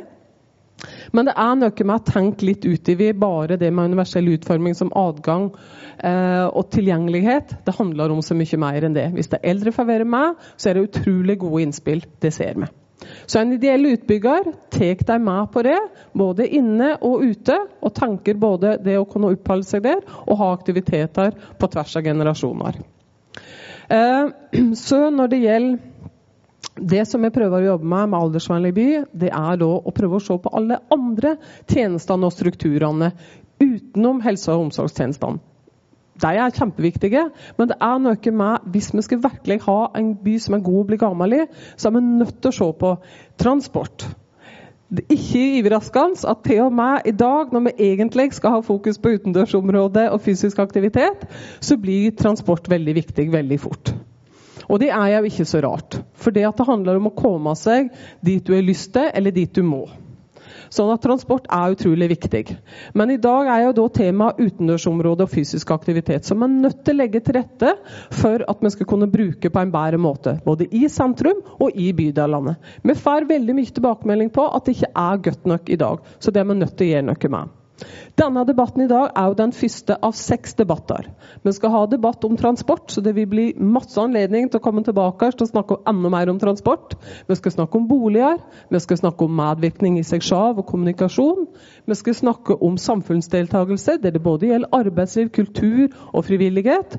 Og vi skal snakke om helse- og omsorgstjenester. Men tenk nå, og det er derfor jeg syns det er så utrolig moro å arbeide med dette her, og viktig, nå prøver vi faktisk å gjøre noe med alle andre tjenestene og strukturene på tvers av sektorer. Og det er ikke bare enkelt, men vi prøver iherdig å få dialog på tvers av sektorer. Og denne eh, aldersvennlige transporten som er i Nordre Aker, er jo et resultat av det. Her er vi Fenje miljø og samferdsel med på lager, vi Fenje Ruter med på laget. Nå har vi òg godt samarbeid med bymiljøetat, plan og bygning. De skulle være med oss. Vi skulle se på benker, vi skulle se på belysning, vi skulle se på grøntområde og aktiviteter. Så det kommer til å gjenspeile seg i by... eh, framover, og det gleder jeg meg til. Men da vil vi ha dere med, vi vil ha forskerne med, vi vil ha befolkningen med. Jeg kan uh, rø om dette veldig mye, så jeg tror jeg skal stoppe her. Um, ja, det kommer. Det kommer både artige og fine benker, men mest av alt så skal de være gode å sitte på og gode å komme seg opp og ned på. Så, så det kommer, og det vil gjenspeile seg framover. Vi har hatt utrolig mye god medvirkning. Jeg må bare si det. Jeg ser noen som har vært med på det òg.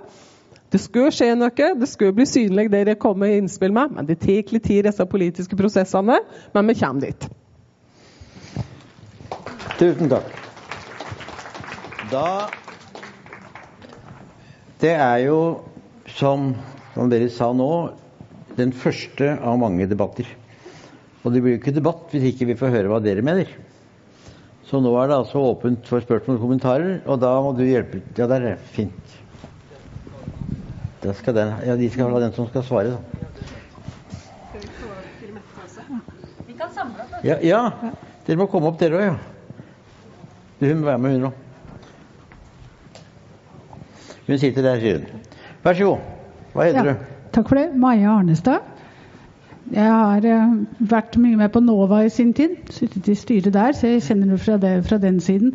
Uh, men nå er jeg jo pensjonist og bl.a. aktiv i lokale velforeninger, som jo, er, uh, som jo opplever systematisk å bli overkjørt av rådhuset og virkelig ikke tatt med demokratiske medvirkning. Det er et stort problem. Eh, og i velforeninger og som ble nevnt historielag, er det jo ofte mange eldre. Jeg hadde lyst til å nevne to ting som ikke Eksempler som ikke var blitt nevnt i dag, men som vi har lagt merke til etter bydel Frogner. I dag åpner beboerparkeringssystemet, som dessverre blir ødelagt av elbilprivilegiene. Men det som var mitt poeng, er at skjema, eller displayet på disse nye eh, automatene har en skriftstørrelse som er halvparten av displayet på de gamle automatene. Altså Hvis dere skal samarbeide med Bymiljøetaten, så må dere jo ta tak i sånne ting. Og dere må også ta tak i denne systematiske fjerning av gangfelt. Som nå foregår over hele byen. Alle våre klager blir avvist med at dette er Statens vegvesen som bestemmer det. Og det er mye sikrere å snegle seg blant biler der hvor det ikke er eh, fotgjengerfelt. Altså Transport på lokalnivå er til fots. Og da skulle man helst kunne overleve det. Ja, er det noen som vil ha kommentarer på det? Det kan du tenke. Vær så god, Morten. Altså, til det siste der sånn, så tror jeg at vi skal ta altså Vi må finne ut av hvordan skal vi få alle etatene og alle de sektorene som ikke vanligvis jobber med seniorer eller eldre eller nedsatt funksjonsevne, og ikke, kanskje ikke har det forrest i pannebrasken sin. Hvordan skal vi få dem til å få det som en eh, del av ryggmargsrefleksen?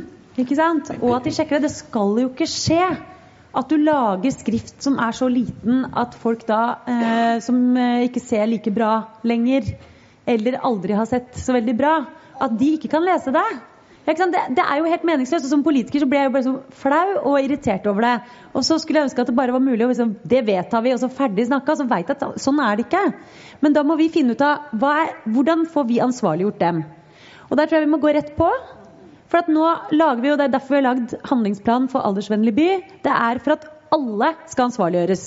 Dette er ikke noe som er bare mitt ansvar, eller bare liksom sykehjemsetatens eller liksom bydelenes ansvar. sånn. Det er alle i Oslo kommune og i samarbeid med andre som har ansvar for det. Men det kan godt hende at vi må ta et eget møte på noen utvalgte temaer for å forsikre oss om, om hvordan akkurat de som er nøkkel hva skal si, nøkkelinstitusjoner eller eh, nøkkelselskaper i Oslo ivaretar det her. For at vi forsikrer oss om det. Jeg skal snakke med Lan Marie om det. Eh, for at hun har jo ansvar både for Ruter, som er veldig viktig, og for Bymiljøetaten, som er kjempeviktig.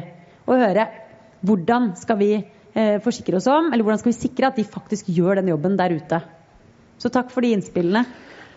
Men Inga Marte er ikke Men kanskje som og Berit også kan supplere på det. fordi at du sitter jo der og skal operasjonalisere det sant, som del av min administrasjon. da, Og ser jo hvordan dette her altså Hva er det som funker, og hva er det som er utfordrende? Og så vil jo jeg gjerne at dere også spiller opp til politisk nivå litt raskere. Sånn at ikke, for det kan være mye frustrasjon. Man går og går i møter og møter, og så skjer det ikke noe. Da sier jeg ta det opp i byrådet. Så får vi en diskusjon og en politisk forankring og et vedtak, og så kan ting skje litt raskere. Det tror jeg på.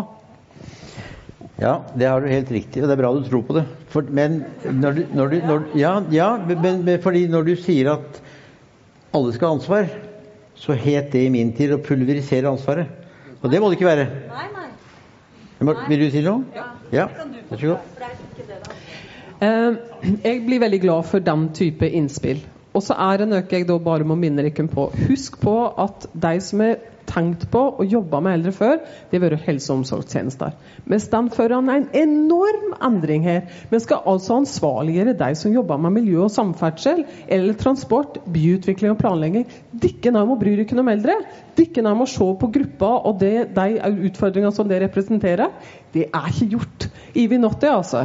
Men vi kom et langt stykke. Jeg tror jeg har holdt 100 presentasjoner, og vi jobber kjempeaktivt ut mot det. Vi begynner å snu det, men det tar tid. Og nettopp denne type eksempel kan vi da bruke.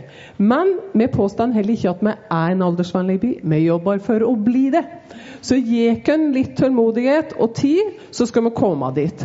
Det som er unikt, er at nå er jo hele verden omtrent i denne utfordringen her. Så vi får utrolig mye gode innspill fra inn- og utland på hva vi kan gjøre. Og vi skal ta det med oss, men det tar altså tid å snu disse tunge skutene som er veldig retta på sine områder.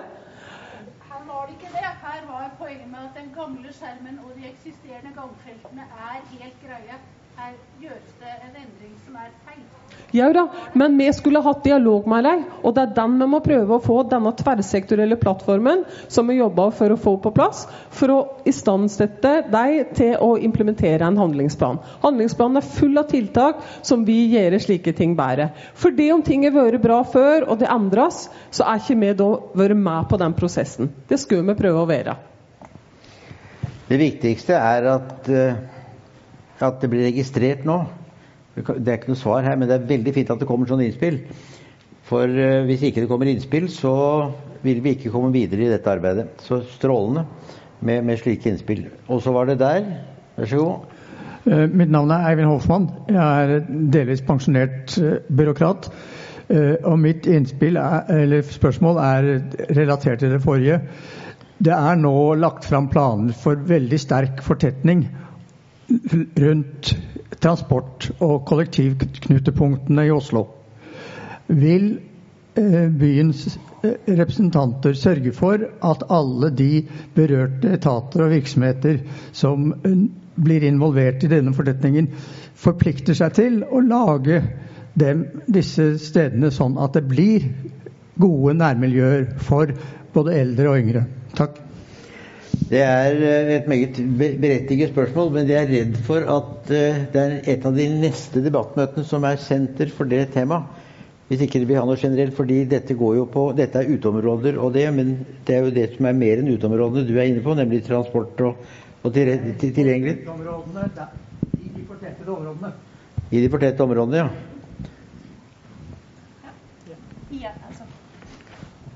Det har jo, dette har jo med det samme å gjøre. ikke sant? At du faktisk gjør en jobb sammen med folk da, for å finne ut av hva er det verdt å bevare, som det ble sagt her eh, fra de to forskerne som var på filmen. Eh, hva er det som trengs? Og hva er det som er forslagene til de som bor der i området? At vi hører på seniorene. Så da er det jo å lage og utvikle det. Det må være en del av kommuneplanen, tenker jeg. fordi at eh, Tanken der skal jo nettopp være økt medvirkning og involvering og samarbeid. Men jeg ser jo at det er lang vei igjen dit. Altså jeg, det eksempelet som kom opp nå med beboerparkering, det bare viser jo det. Så da, eh, så jeg bare, og jeg tenker ikke at dere skal være tålmodige. Jeg tenker tvert imot være utålmodige. Det er veldig bra, det. Og så ser jo vi at eh, ting ikke er gjort over natta, men det eh, er jo en del ting vi faktisk kan gjøre også gjennom å sikre at det er lederforankra, og at ledelsen skjønner at dette her er deres ansvar. For Hvis det blir bare på saksbehandlernivå, eller helt sånn, så blir det veldig ofte tilfeldig. Men hvis det er forankra på toppen, vi forventer at dere skal følge opp dette, og byrådet er tydeligere på det, så blir det også gjort. Det er i hvert fall min erfaring. Så har du selvfølgelig unntak, og ting glipper innimellom. Men da er det i hvert fall en tenkning og en holdning som gjennomsyres også nedover i organisasjonen. Så ja, svaret på det må jo være ja. Guri Metten Vestby hadde kommentar. Eh, En liten kommentar til det. fordi at det var mange av de seniorene som vi snakket med på Sagene, som var eh, opptatt av det som du spør om, nemlig det med at det som var eh, kvalitetsmessig bra uteområder, traseer, gangveier, eh, løkker osv. Og, så og grønne lunger, at det skulle bli nedbygd. Og jeg tror det er viktig å være klar over at her, står, her er det en sånn interessemotsetning som kan komme opp, og ikke tenke at eh, ja, det er bare å få innspillene, og så blir det bra. fordi eh, her er det noen miljøhensyn som ligger bak det med fortetting og knutepunkt. Og så er det det med de eh, ja, bl.a. Eh, seniorer og de som bor der, og som har historiske minner i området, som bruker, har en mye mindre aksjonsradius enn andre, så nærmiljøet betyr veldig mye mer. At det bevares de kvalitetene som er der. Men at man tar med seg at det er faktisk interesser. Og det er jeg veldig enig i. Eh, Men jeg tror det er liksom begge deler. Du har både det som er en ren interessekonflikt, og de har du i samfunnet. Og Det er jo derfor du har partier som kan mene forskjellige ting om det. ikke sant? Og ivareta ulike interesser. Og det er jo debatter som bare må komme opp, og så får man stemme på de partiene som er enige med seg da. Eh, Eller engasjere seg i om det er velforeninger eller annet som da vi har hørt har blitt overkjørt. da. Eh, Og det kjenner jeg ikke eh, detaljene i, men jeg tar jo det med uansett. Men det er jo også det med manglende bevissthet, fordi man aldri har spurt eldre. Det der med stedet som perspektiv og historien og hvor viktig det er, det har jo ikke vært en del av kommuneplanlegginga, for de har ikke spurt eldre. Så har jo ikke visst det. Og det er jo en sånn mentalitetsendring som skjer nå pga. handlingsplanen for aldersvennlig by. Fordi hele tenkinga bak det å være aldersvennlig er at du må spørre eldre sjøl, og seniorer. Og da skjer det mange sånne aha-opplevelser. Ja. Så det er både maktkamp, men det er også mangel på kunnskap og bevissthet. Det ble sagt noe i filmen om å bygge nettverk. Jeg bare minner om det. Vær så god. Mette. Wenche. Eldreråd finnes det jo i hver eneste bydel. Så jeg vil bare oppmuntre dere til å bruke det. Og også det at det, det er jo nå brukermedvirkning som det, vi skal være med.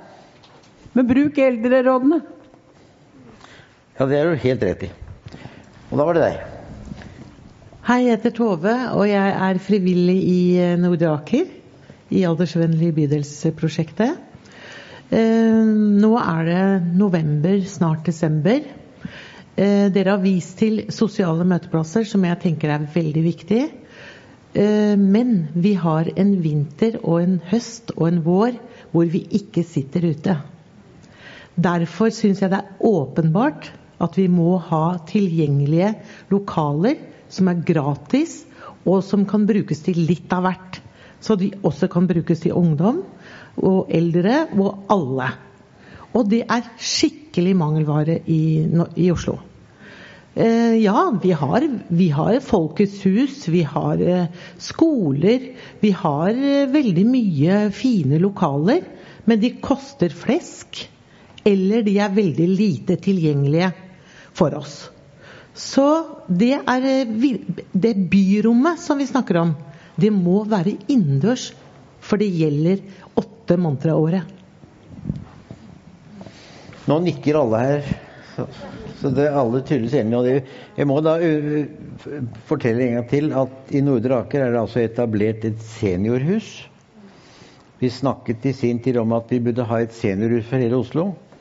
Men dette blir jo ikke enkelt å få ett hus. Derfor har nå Nordraker begynt med et seniorhus, som er et aktivitetshus, og som har også uh, plasser hvor folk kan bo, de som får vedtak om det. Men det er altså et aktivitetssenter for alle eh, beboerne i Nordre Aker. Eh, og det ligger da i Pass og Fangensvei, de som ikke vet det, men like ved Tolsen gamle sykehjem. Så det er et tiltak som er direkte svar på det, og det burde være i hver eneste bydel. Et seniorhus. Et veldig godt poeng. Den er på slå på bare Nei, det er den ikke. Det er den på, tror jeg. Ja, et veldig godt poeng. Ikke dette med klima. Vi jobber med å skape helsefremmende møteplasser. Eh, alle har sikkert hørt om seniorsenter. Det er ingen som vil gå på lenger. Så de er vi i ferd med å redefinere litt. Ja, ingen av dere vil være seniorer. Ikke vil vi gå på seniorsenter heller. Så da må vi lage litt annen type møteplasser inne nettopp som du peker på. Så det er vi i ferd med å gjøre. Og prøver å tenke på handlesenter f.eks. er jo ofte en stad der mange ferdes. Kan vi gjøre de litt greiere for folk å ha som møteplasser. Så du kan skape noen nye, men du kan òg bruke møteplasser som man kanskje ikke tradisjonelt tenker på som møteplasser, men gjør dem om til det. Så når det gjelder generasjoner, så kan vi òg bruke skolene etter skolefritidsordninger, samskape litt, ha litt samlokalisering, der eldre og unge kan møtes. Så det er helt klart en tanke på å ha meg innendørsområde òg. Så ja takk, begge deler er sånn vi òg tenker. Helt klart. Og så vinterhalvåret, ja. Da er det jo strøing og brauting, må jeg si noe om, for det kommer veldig fort opp. Eh, og det har vi et veldig fokus på. Eh, sånn at vi prøver ut både i stor og liten skala dette her med å dele ut sandsekker eller prøve brodder, eller ha ressurser tilgjengelige både i bydel og i sentrum. Nå er vi jo heldige. Nå er Miljø og samferdsel satt av en god del midler til dette i år for å øke kapasiteten på både å brøyte og strø. Så vi skal absolutt ferdes trygt på vinterhalvåret, slik at vi kan komme til de sosiale aktivitetene. Flere åpne bibliotek òg. Ja. Mer åpne, ja. Lenger åpne. For, for, å være litt mer presise med noe av det som hun nå sa, så, så var Jeg tror ikke hun mente å si at ingen bruker eldresenteret. Nei. Nei. men det er nye brukere av eldresentrene som ser ut til å svikte, og det er alvorlig. Men nå var det deg, vær så god. Jeg heter Tove og kommer fra Sagene. Jeg har vært med på denne tidligere, og så lurer jeg på hvor har det blitt av seniorboligene? I vår bydel så er det utbygd kjempemasse. Ikke én seniorbolig er bygd. Og så lurer jeg på Er det helt slutt, eller eh, har de blitt så spreke, de her eh, folkene i Sagene, etter at vi begynte å gå? Så at det er ikke behov for det lenger. Nei, jeg tror ikke det er borte, men det er noe med uh, hva de kaller det. Og det er omsorg pluss, og det kan være mange rare ting. Men det er noe med at det også det viste seg at de seniorboliger som hadde mye service i seg, altså vaktmestertjenester og vaske skjorter og hva det måtte være de, de, jo, nei, det, Du sier rist på hodet, men det var det. Og så de ble kjøpt eller leid av yngre, for det var så bekvemt for dem å få det. Så det var jo ikke meningen. Så, men det er, det er, fortsatt, men det er en utvikling. og Det, en stor, det var derfor vi skulle ha Selvåg her. For de holder på med det, men de kaller det noe annet. Så var det deg. Men bare fort, veldig kort fyrje. Det blir jo nå utvikla flere og flere Omsorg pluss-boliger rundt i Oslo. Så det er ikke sånn at de er forsvunnet, det kommer flere og flere. Og så prøver vi å se på litt andre typer bokollektiv. For vi får òg veldig sterk tilbakemelding på at det er ikke ønske om sykehjemsplasser, men nye typer boformer. Være seg kollektiv eller andre. Og det ser vi òg på. Da var det deg. 2019 viktig, blir en viktig milepæl for Oslo. Da er Oslo europeisk miljøhovedstad. Og da det, kan det også være en viktig milepæl for arbeidet om de temaene vi snakker om her. Et uh, viktig arrangement i 2019 blir noe som heter Urban Future som Oslo kommune er en aktiv deltaker i. Og mye av det vi har prata om her, har jo noe med urban, altså byens framtid, å gjøre. Mm. Med tanke på å gjøre det godt for folk som skal gå, sykle eller ta kollektivtransport. Og de temaene innen uh, kollektivtransport osv. Det er veldig viktige, store temaer under dette Urban Future-arrangementet. Så jeg oppfordrer da dere som jobber med disse sakene vi har hørt om her, at også forbereder på internasjonal oppmerksomhet om disse temaene. Og at man da kan legge fram informasjon på ulike språk om ulike innledere under ulike arrangementer i 2019. Jeg tror det er en fin milepæl for mye av dette arbeidet. Og det, bare til det, det er utrolig bra at du tar opp, og er, vi er veldig veldig, veldig stolte av det her. Og det kommer til å bli en anledning til å gjøre veldig mye spennende, egentlig. Men bl.a. så sier vi jo i byrådet at vi skal fremme folkets eh, grønne skifte. Og da må jo folket ikke bare være yngre eller middelaldrende, det må også være seniorer. Så det er kjempeviktig at vi passer på det hele veien. For det er veldig lett at det er de som da sitter i posisjoner, som definerer hvem folket er. Og det er noen som ligner på dem sjøl. Så det er, det, er, det, er helt, eh, det er, helt, typisk. ikke sant? Jeg har jobba mye med utgangspunkt i barn og unge. Men det er akkurat det samme som skjer i slutten av livet. Det er akkurat det samme. Så det blir kjempeviktig. Og så bare akkurat det med boliger. så Det var synd med Selvåg, men det, det, bygges mange varianter. Men jeg vet at mange eldre ønsker seg flere bokollektiver og den typen løsninger. Borti Stavanger så har de også satsa mye på små leiligheter mm. med fellesskap. Altså rom hvor man kan da gjøre ting sammen. sånn at det, det, er stor, det, er ikke så store rom hjemme. Men da møtes man heller da i et sånt type rom som også da kan være møteplass for ulike aktiviteter. Veldig, veldig ålreit. Og Omsorg pluss det trenger vi mye, mye mer av. For de som ikke veit hva det er, så er det altså eh, universelt utforma leiligheter i et kompleks, kan du si. Leilighetskompleks. Hvor du har heis ned til fellesarealer, hvor det er klubber, det kan være matservering, noen har kino, noen har andre ting som foregår der, sånn at det blir et fellesskap i tilknytning til der du bor. Eh, og så har du hjemmetjenester på vanlig måte inn og sånn. Og så er det en vertskapsfunksjon hvor folk er til, en person er tilgjengelig hele døgnet i tilfelle det skjer et eller annet. Og det gjør at folk slipper da, eller de kan utsette det å komme på sykehjem da. Og noen kommer jo ikke på sykehjem heller, fordi de dør der, for det er deres hjem. De leier leiligheter der. Mm. Og så har man også sånn demen, lokale demensboliger med eh, velferdsteknologi også som et alternativ eh, som vokser fram nå. Så det, det skjer jo en rivende utvikling på det området. Men det er klart på Sagene er det fryktelig mange som er isolert. Bor hjemme i leiligheter som ikke er universelt tilpassa, uten heis, og som er redde for å gå ned trappa. Og der har du klasseproblematikk òg. At det er mange som har levd et hardt liv. Så de blir, yngre, de blir eldre før også. Så det er jo innmari viktig at vi har bo, erstatningsbotilbud til dem, da. Ja, Inga Marte, du sa en liten ting som jeg skal bare minne deg om. Du sa 'de som er i posisjoner'. Jeg ville ha sagt er vi, vi som er i posisjoner. Ja, ja, det kan du Ja. se. Ja, Ja. Vi som er, men eh, jeg tror dere skjønner at jeg brenner for det her. Altså, Ja, det er bra. vi, men vi må da passe på at alle som er i posisjoner, tar det inn over seg. Dette er et samfunnsansvar. For det er klart, Jo mindre tilrettelagt det er for å bli eldre på en trygg og ålreit måte i denne byen, eh, ja, jo mer skatt må folk betale for å bare si det rett ut. For da, jo, da blir jo folk hjelpetrengende før, og så blir det mange flere sykehjemsplasser osv. Og, og det er jo, vi er, står jo foran en utvikling hvor det blir veldig mange flere eldre. Og hvis vi tilrettelegger for at de kan delta og være samfunnsborgere og, føle seg som en del av dette samfunnet, så får de også bedre helse. Og da blir det bedre for alle. Så enkelt er det. Ja. Så dette er et felles ansvar. Deilig at det ikke er valgkamp, Inga Marte. For da kan, du, da kan du si akkurat hva du vil. Ja, jo da. Vær så god. Hei, jeg heter May-Britt. Jeg er lokalpolitiker i bydel Stovner. Og jeg tenker at lokalpolitikeren er en utrolig viktig person i det som jeg har vært igjennom og hørt på i dag.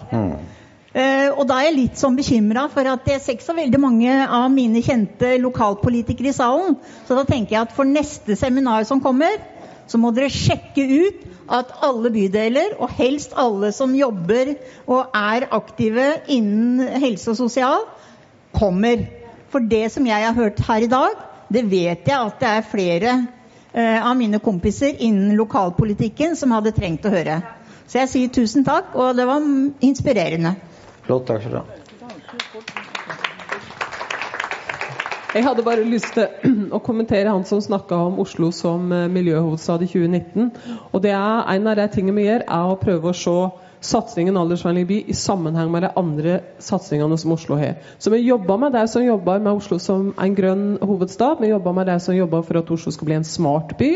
Sånn at vi ser disse tiltakene i sammenheng og jobber sammen. Så skal ikke være redd.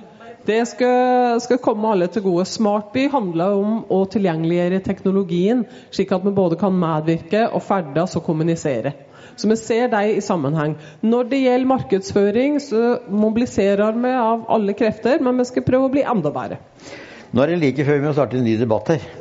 Vær så god, siste innlegg. Jeg vil bare ha en liten replikk når det gjelder det du eh, litt fordomsfullt kalte eldresenteret.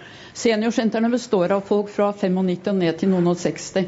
Og i dag driver de med datakurs, språkdans, Ja. trim.